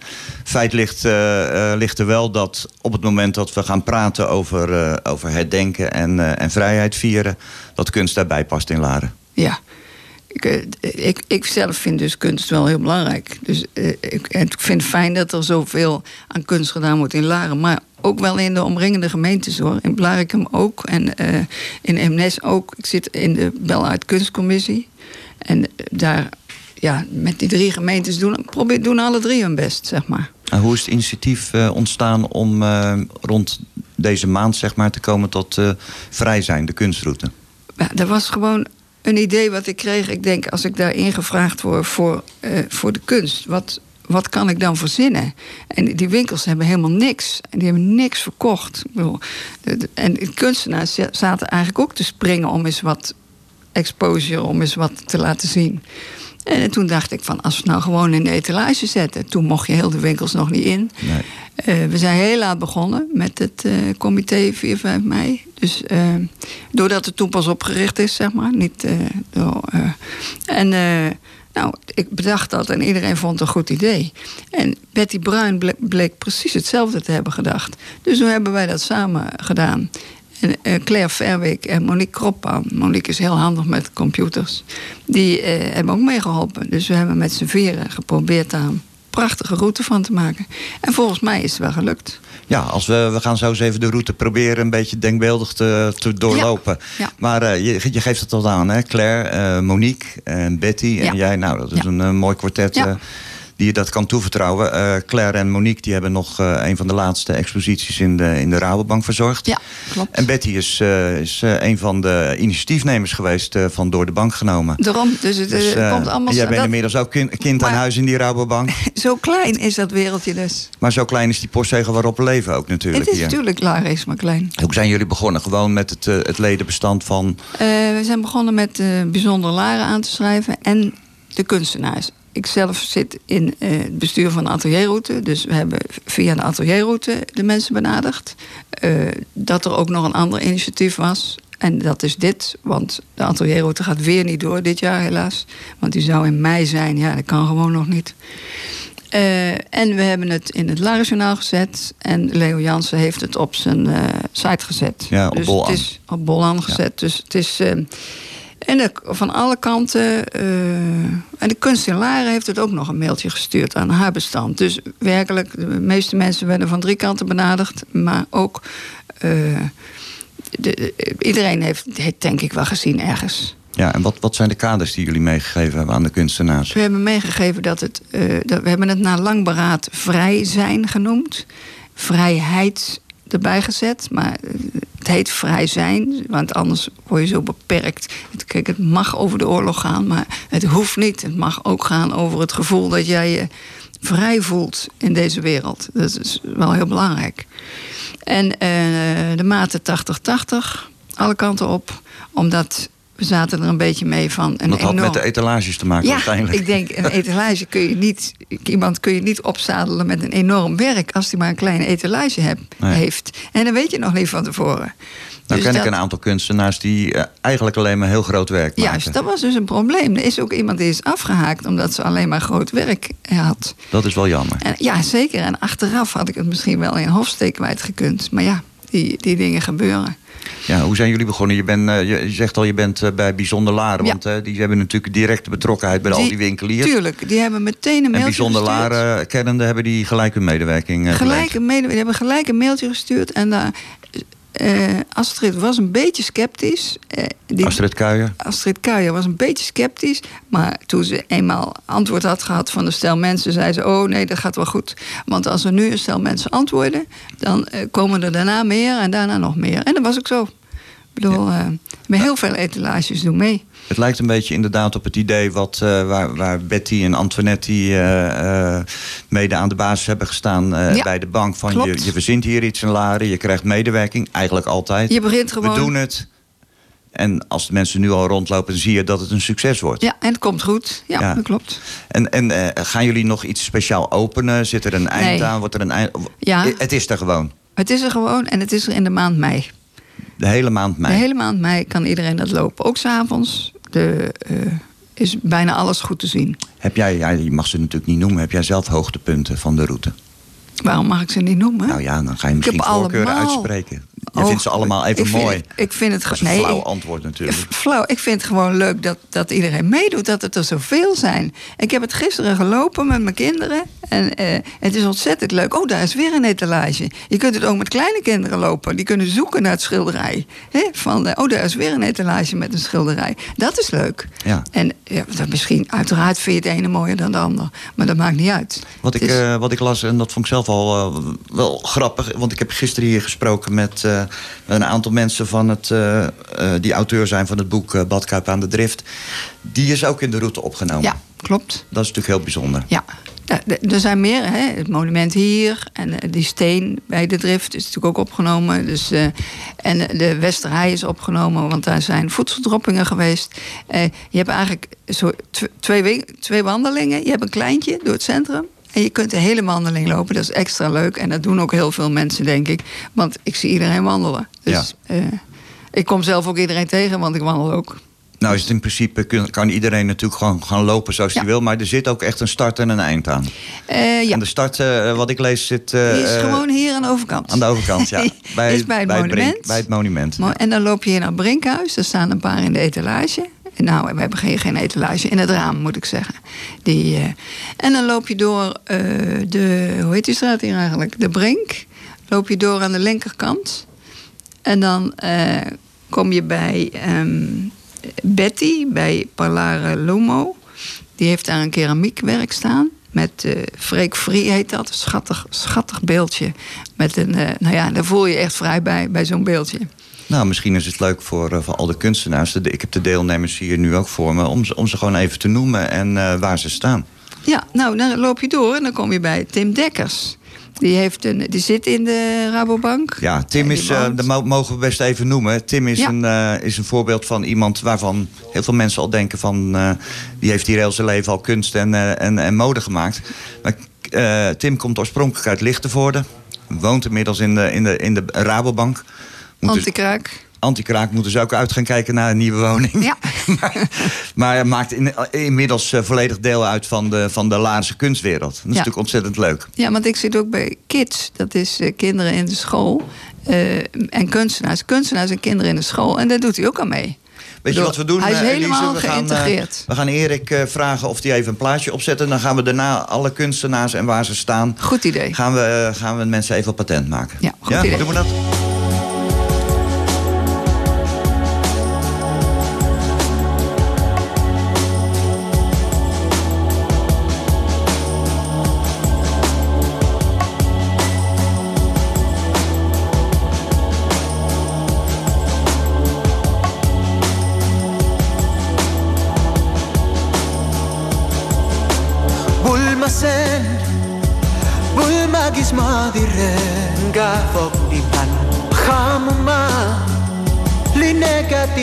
όνομα σου αξίγινα Πέκουμα Κουμα γιο Λινέ κασίγιο σημαν Λινέ Μοιεν για παλέ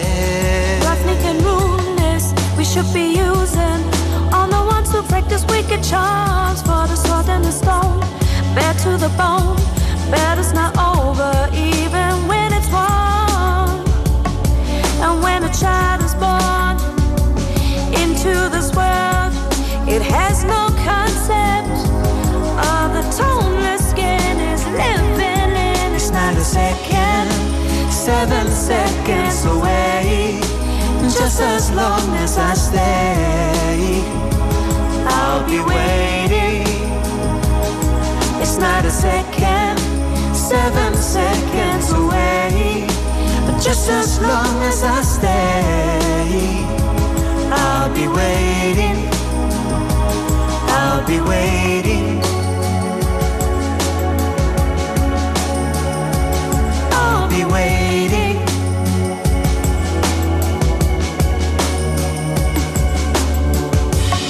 Jésus me les raisons qui nous poussent de changer tout.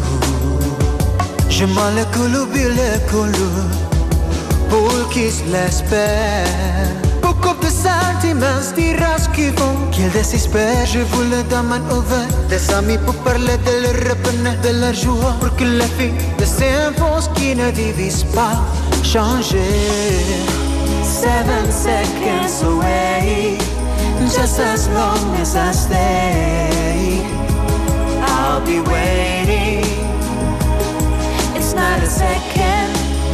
seven seconds away, just as long as I stay,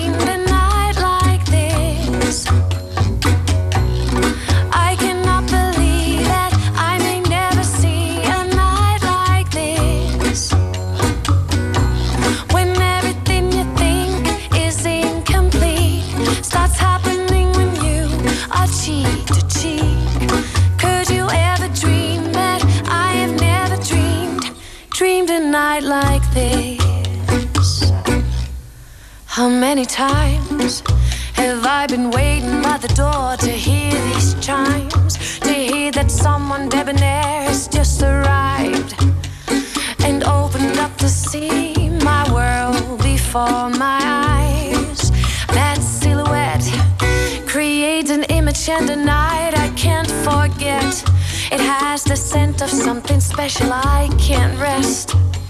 If I resist temptation, oh, I know for sure that I will lose the bet. I walk away, and suddenly it seems I'm not alone. Mm, in front of me, he stands. I stop before he goes.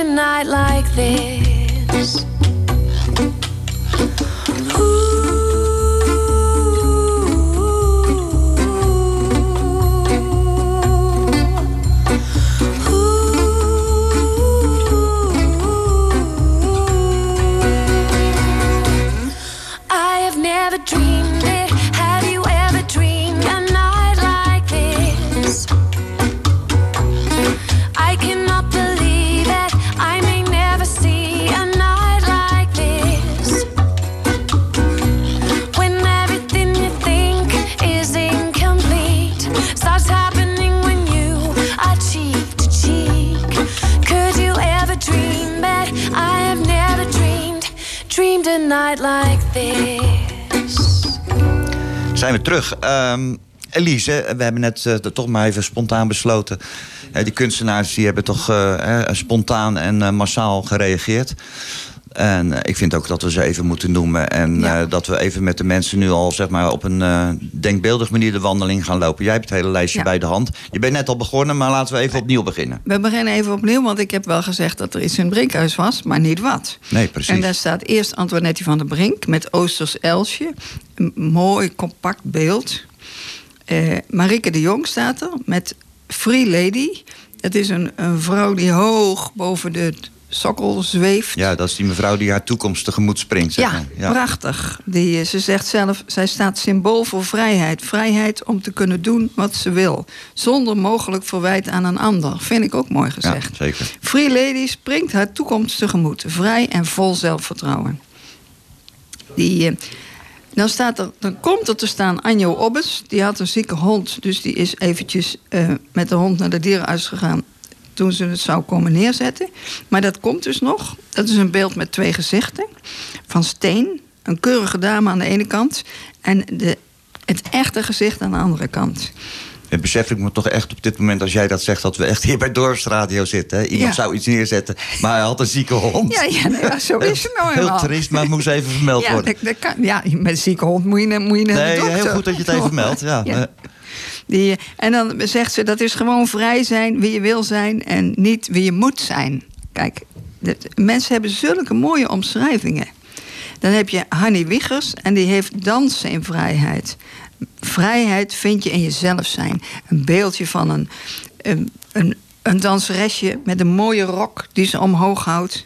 Prachtig, echt. was- dit was allemaal Brinkhuis. Hè? Dit is allemaal Brinkhuis, hè? En dan ga je eh, rechtsaf, als je van het monument afkomt, zeg maar. En dan loop je een stuk door. En dan kom je bij Juice Mode op Brink 39. En daar staat Bart Welen met Light My Fire. Die heeft daar het vrijheidsbeeld gemaakt. En heeft erbij gezegd... na een lange, sombere periode... gedomineerd door de 45ste president van de USA... wiens naam we hier niet noemen...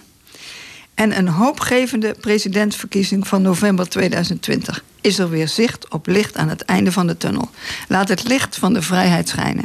Dat is een kunstenaar met een duidelijk politiek statement. Prachtig. Vind je niet? Ik vind Prachtig. het mooi.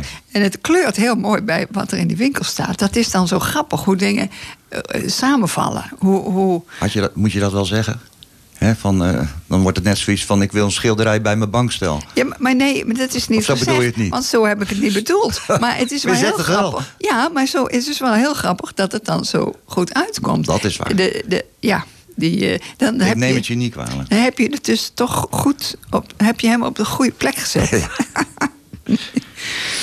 En dan le- even verder bij Chocolare. Dan zitten we al op Sint-Janstraat 9. Daar staat Loes van Gorkum met Guide Me Home. Een prachtig schilderij van een schildpad. En die, die in de, boven de zee, in de zee vliegt, zwemt. En in de zee allemaal rotzooi.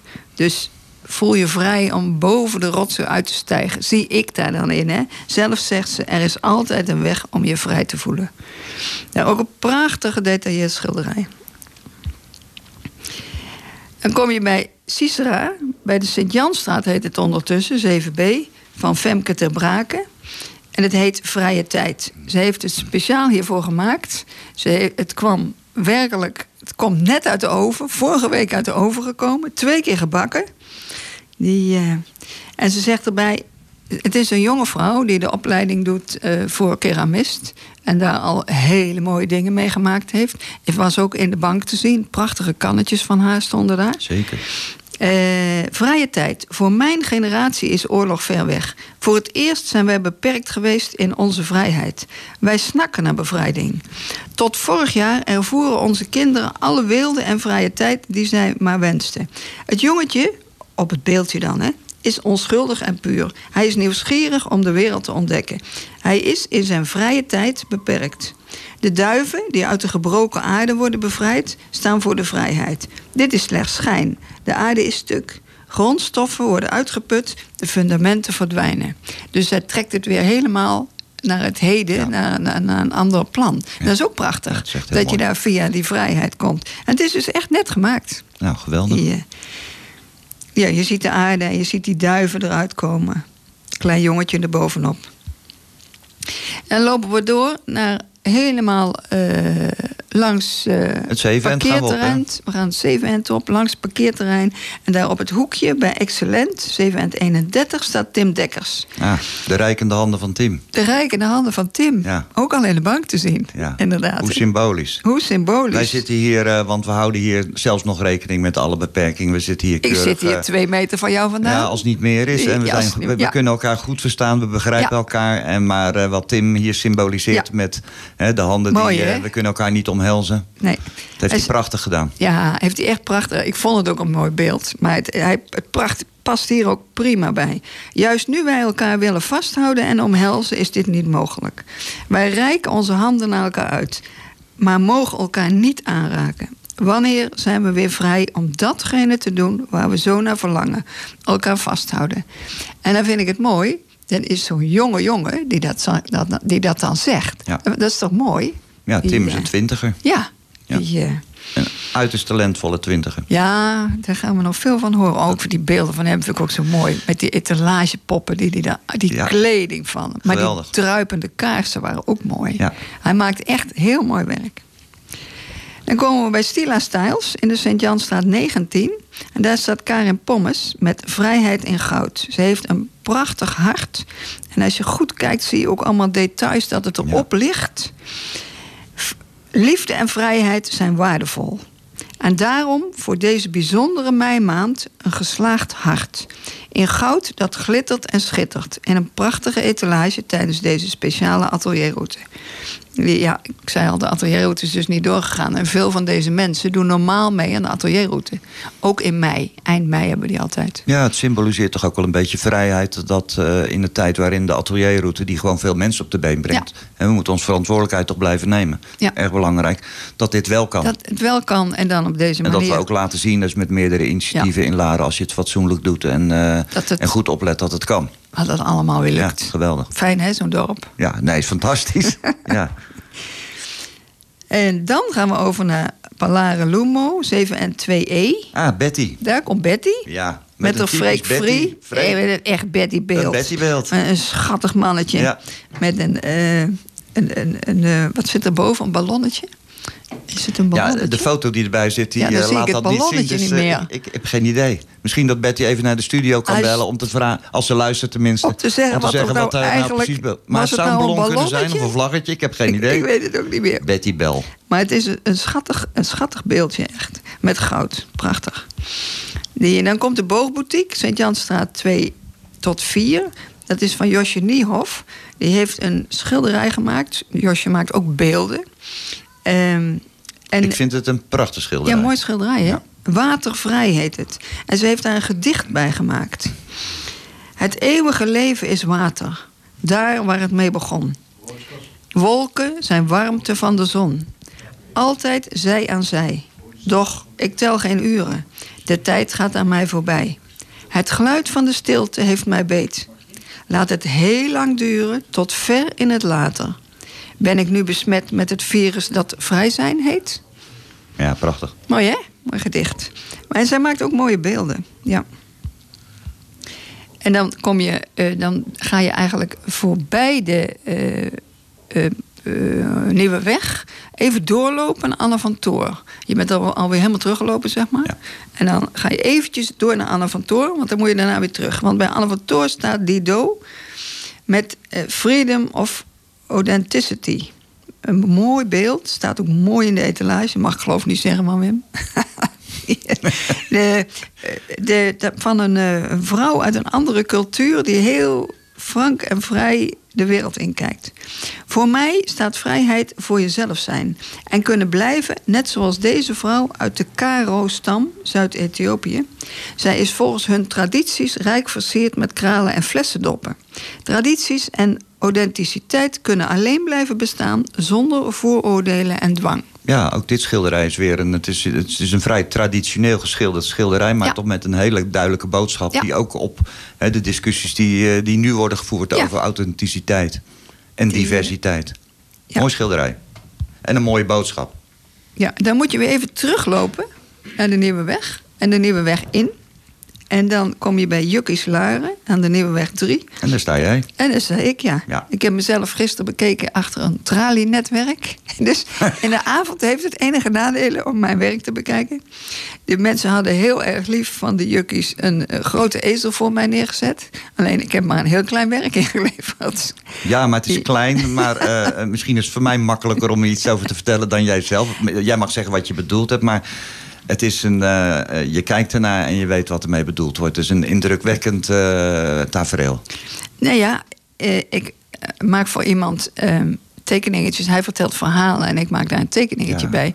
En hij heeft de oorlog meegemaakt. Mensen die onder een trap zitten. En hij zit te vertellen dat hij vroeger in de oorlog... dus eh, onder de trap moest gaan zitten als er vliegtuigen overkwamen. Dat waren dan bommenwerpers. Dan moest hij onder de trap gaan zitten met een pan op zijn hoofd. Ja. Dan denk ik, hoe naïef kun je zijn? Ja. Maar goed, de- dat was zijn herinnering. Hij zat onder de trap en zijn moeder zat dan constant te bidden. Ja. Iedereen die onder de trap zat, had dus een pan op zijn hoofd. Ik wist niet wat ik hoorde, maar ik vind het zo'n mooi beeld. Prachtig vormgegeven. Ja. En hangt daar nou eh, wel of niet symbolisch een, Ja. eh, een schilderij van Vermeer? Ja. Ja, dat, dat dacht ik te herkennen. Ik heb mijn best gedaan, maar dat Ja. op een klein opvlak. Ja.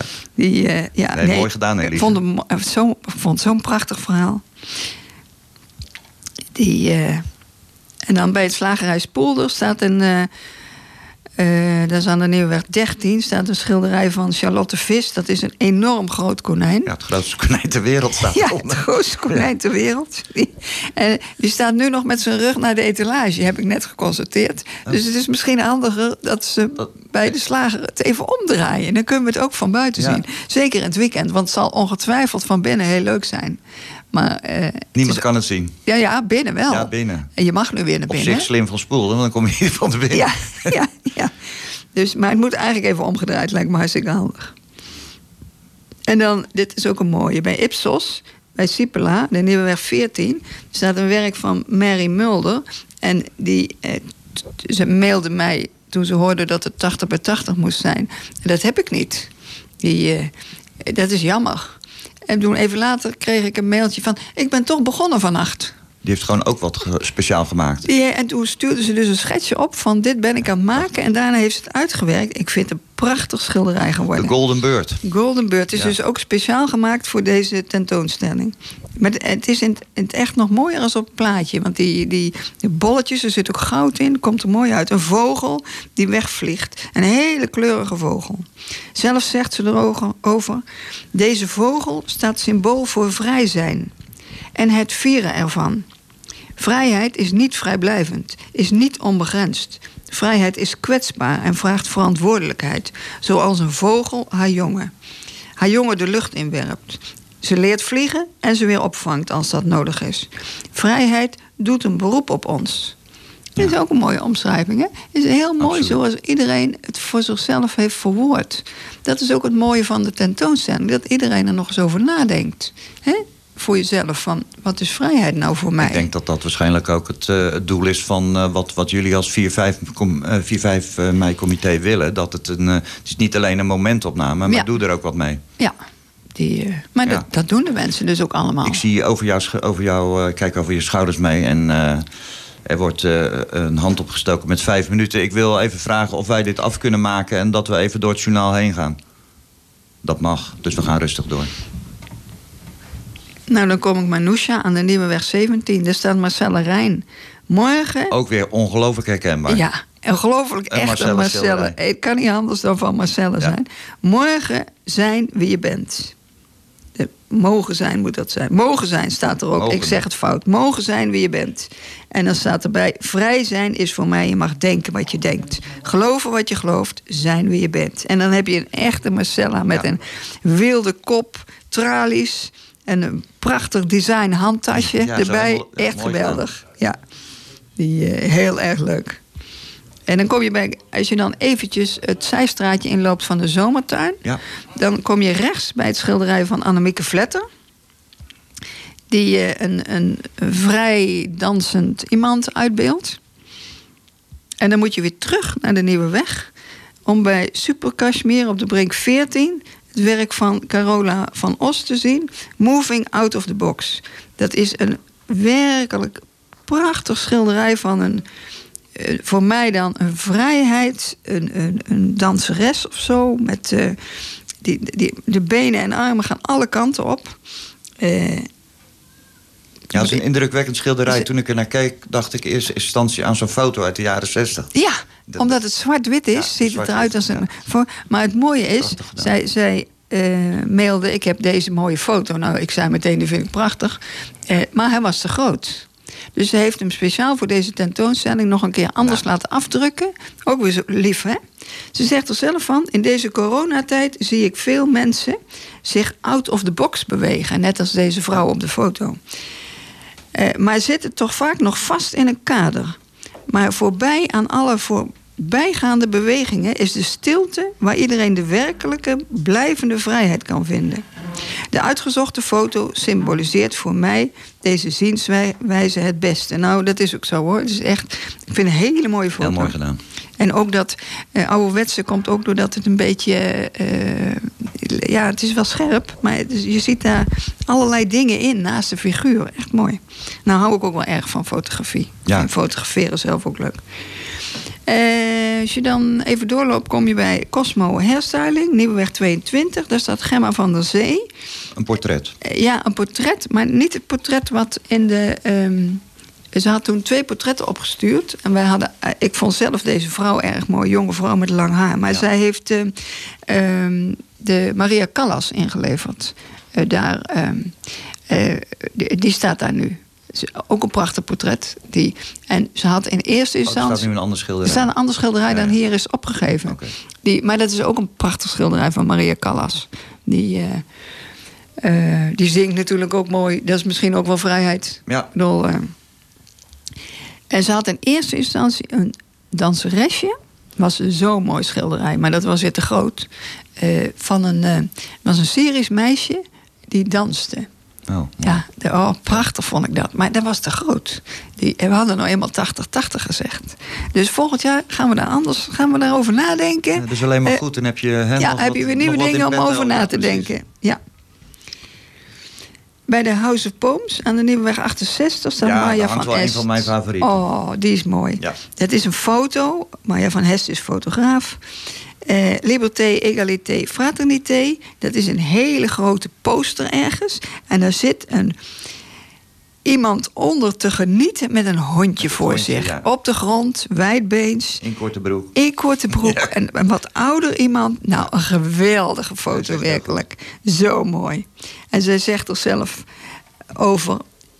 Om in alle ontspannenheid te kunnen genieten, met boven je hoofd de woorden vrijheid, gelijkheid en broederschap, is toch wel de ultieme beleving van vrij zijn. Nou ja, dat vind ik ook.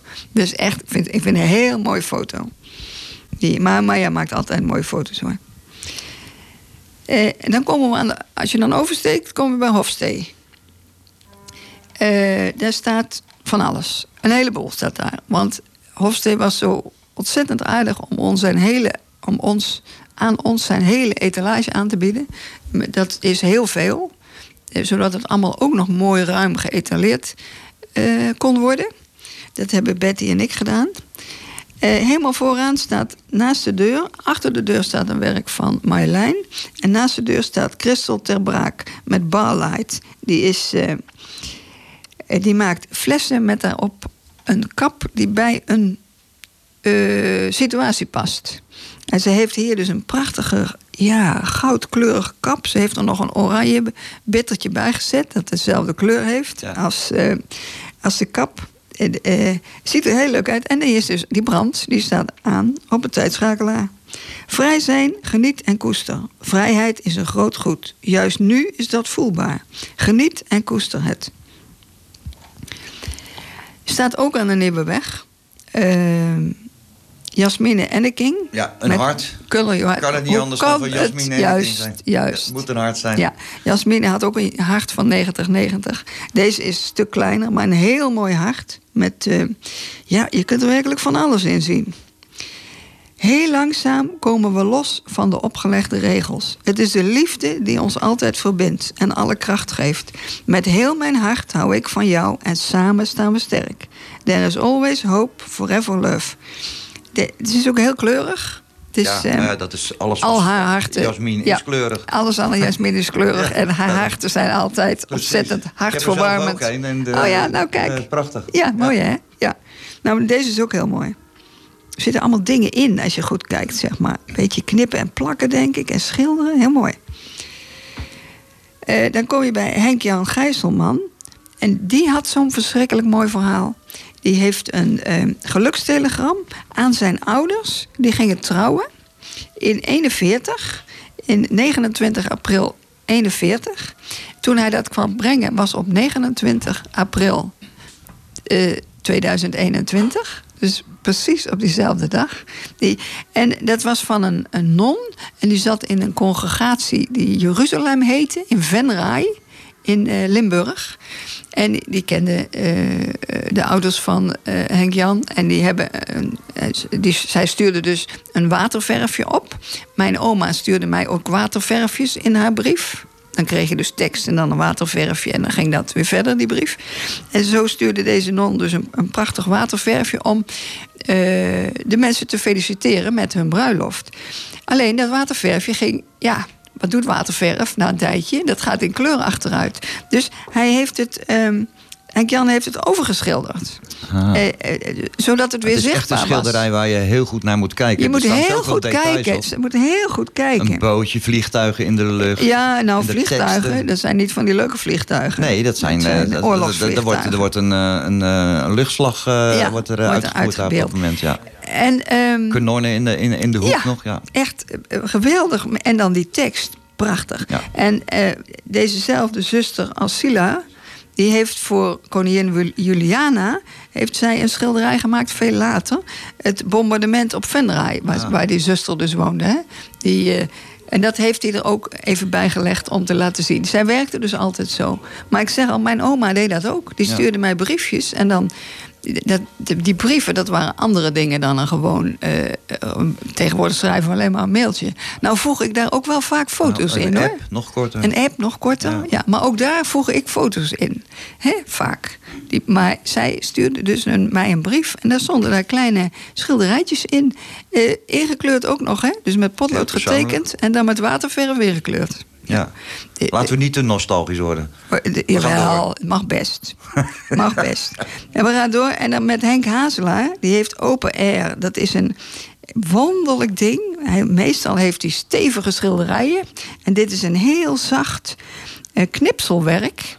Die eh, heel mooi, met de diepte erin. Er zit ook glas voor, dus er zit ook echt diepte in. Hè? Opdat we niet vergeten hoe het is. En met een mooie boom, met een wolkenlucht, een watertje. Echt een heel lieflijk tafereel. In een, een glasbak zou ik het willen noemen. Een, eh, eh, heel anders dan die normaal werkt. Prachtig. Eh, daarnaast staat zijn vrouw, Henny Hazelaar, met een echt Henny, Mooi echt. Henny zomerstafereeltje. Met een vrouw in bikini die zit te lezen. Heel schetsmatig, wel met kleur. En een man die er achterlangs loopt. Vrijheid. Vrij zijn is een vrijheid. Is doen waar je zin in hebt, is samenleven, zegt zij. En daaronder staat. Oh nee, daar hebben we eerst nog even deze. eh, De platbodems. de platbodems. die, eh, ja, mooi. Een groot schilderij. Helemaal aan de achterkant bij Hofstee. Van Suzanne Heijn is dat. Hè? Van Suzanne Heijnen. Droogvallende platbodems bij Ameland. Suzanne, de eh, mail was er mee uitgeschreven. De hele computer, dat ken je wel. Dus ze heeft maar even gebeld Hm. om dit te melden. En heeft nog, toen nog even de titel weer veranderd. Maar nu heet het Affiniteit en Vrijheid van het Water. En ze heeft me uitgebreid uitgelegd hoe het is, dat water. Ik kom uit Breda. Wij hebben daar geen water. Ik bedoel, eh, ik ben niet gewend om te zeilen en te doen. Maar zij is opgegroeid met water, heeft altijd gezeild. Altijd de kinderen ook leren zeilen. Het is grappig hoe je van je afkomst... eh, Zeker. hoe, hoe je daardoor eh, dingen gaat doen die, eh, die een ander niet doet. Affiniteit en vrijheid van het water. Mooi hoor. En dan Jaap Major, die heeft oh, weer zo'n feestelijk ding. Ja, Echt. Dat, dat is toch, als, je, als, je, als we het over het dorp hebben... je schat Ja. net al aan wat mooier is een Ja. dorp, hè, de, onze molen. Ja. Die daar dan Onze molen. prachtig in beeld staat, met vlag en wimpel. Ja, de Ladermolen. eh, eh, helemaal feestelijk. Er worden helemaal blij van. Met allemaal oranje. schilderij. Ja. De wieken van de Ladermolen in vreugdestand. Ja, die standen ken ik dan weer niet. Maar ik heb wel op Koninginnedag rondgereden. En toen zag ik allemaal molens. Eh, ik ben naar Den Haag op het strand geweest. En zag ik allemaal molens inderdaad in een bepaalde stand staan.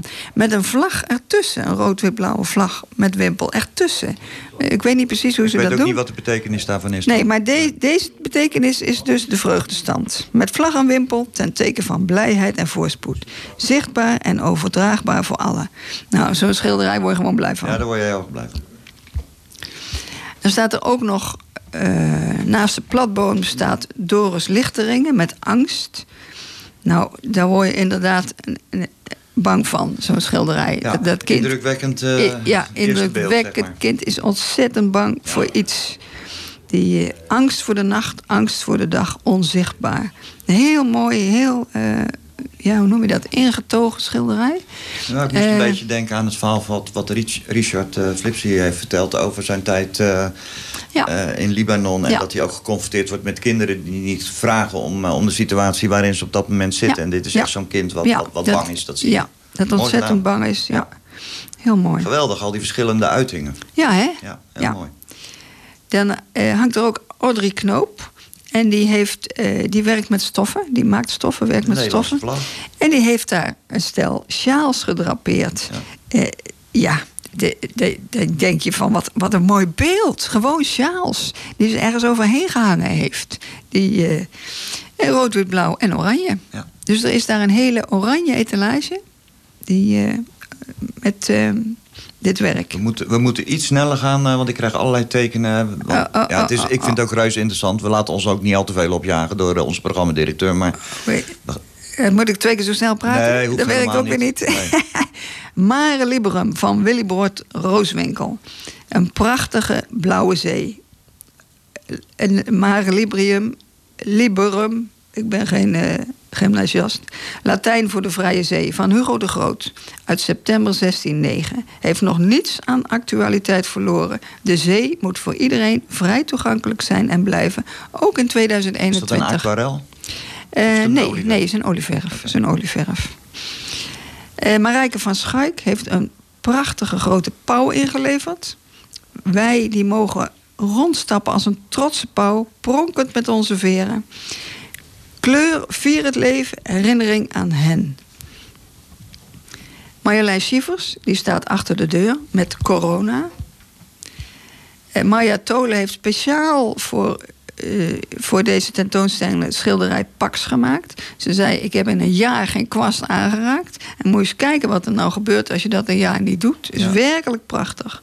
Mijn verhaal is dat een oorlog of ander kwaad, de zwarte kraaien, door de open ruimte van de P van Pax, door Irene, de godin van de vrede, verwelkomd wordt in het gebied waar vrede heerst. De witte duiven. dus die heeft er ontzettend over nagedacht. Een prachtig schilderij van gemaakt. Marjolein Vernooy heeft zo vrij als een vogel in de lucht. Echt een hele mooie vogel met een hele lange staart. Op een eh, ook nog mooi uitgesneden sokkel die heel erg goed bij het beeld past. De lange staart staat voor de tijd die het kost om los te komen van het verleden. De sokkel verbeeldt de weg van laag met brede steun tot hoog met weinig hulp naar zelfstandigheid. Op eigen vleugels en gaan. Vrijheid. Ook zo over nagedacht, hè? Erika Wesseling heeft een beeld een, eh, van hout met eh, een, eh, ja, een, figuur zeker. Die de handen ineenslaat boven zijn hoofd. Ehm Ank van der Zee heeft de bevrijdende dans uitgehouden. Het is dus een steen. Vrij zijn heeft haar geïnspireerd om een vrouw uit te beelden de, die in beweging is. Het is een vrouw geworden die zich los en ongebonden voelt. Ze maakt een vreugdedans, een dans in vrijheid. En Erik Silverberg heeft het over vrij denken.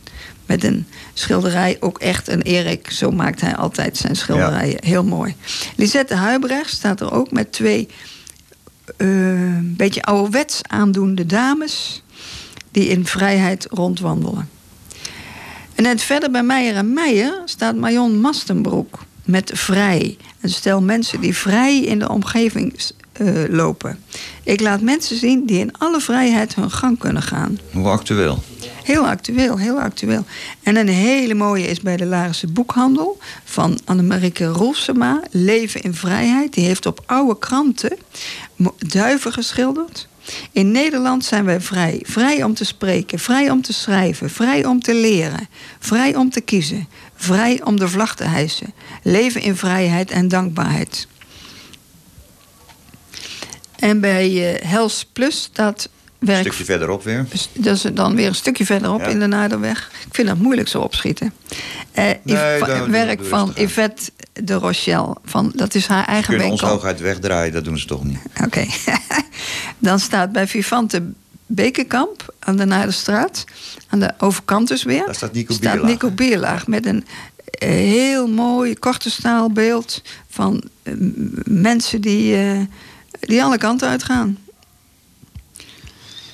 En daar, na- da- daarnaast is dat bij Kerkhof staat Valentijn Zwaneke. Met een, ja, gewoon een echte Valentijn. Dat is weer een echte Valentijn. Ja, die kan niet Ja. missen. Van die eh, stroken metaal.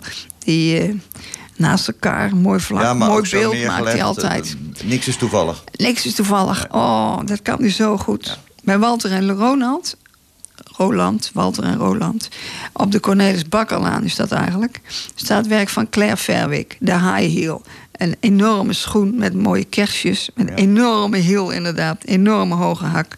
Dat past echt in de winkel. Dus al die eh, drukte daar. Vrij zijn op grote hoogte. En dan gaan we nog naar de Veldweg bij Koek en Chocola. En daar staat werk van Hans van Deuren. Die heeft Oh, zich een echt handschilderij. een echt handschilderij. En die heeft zich helemaal laten inspireren door het beeld van Lara, het Laren van Waleer.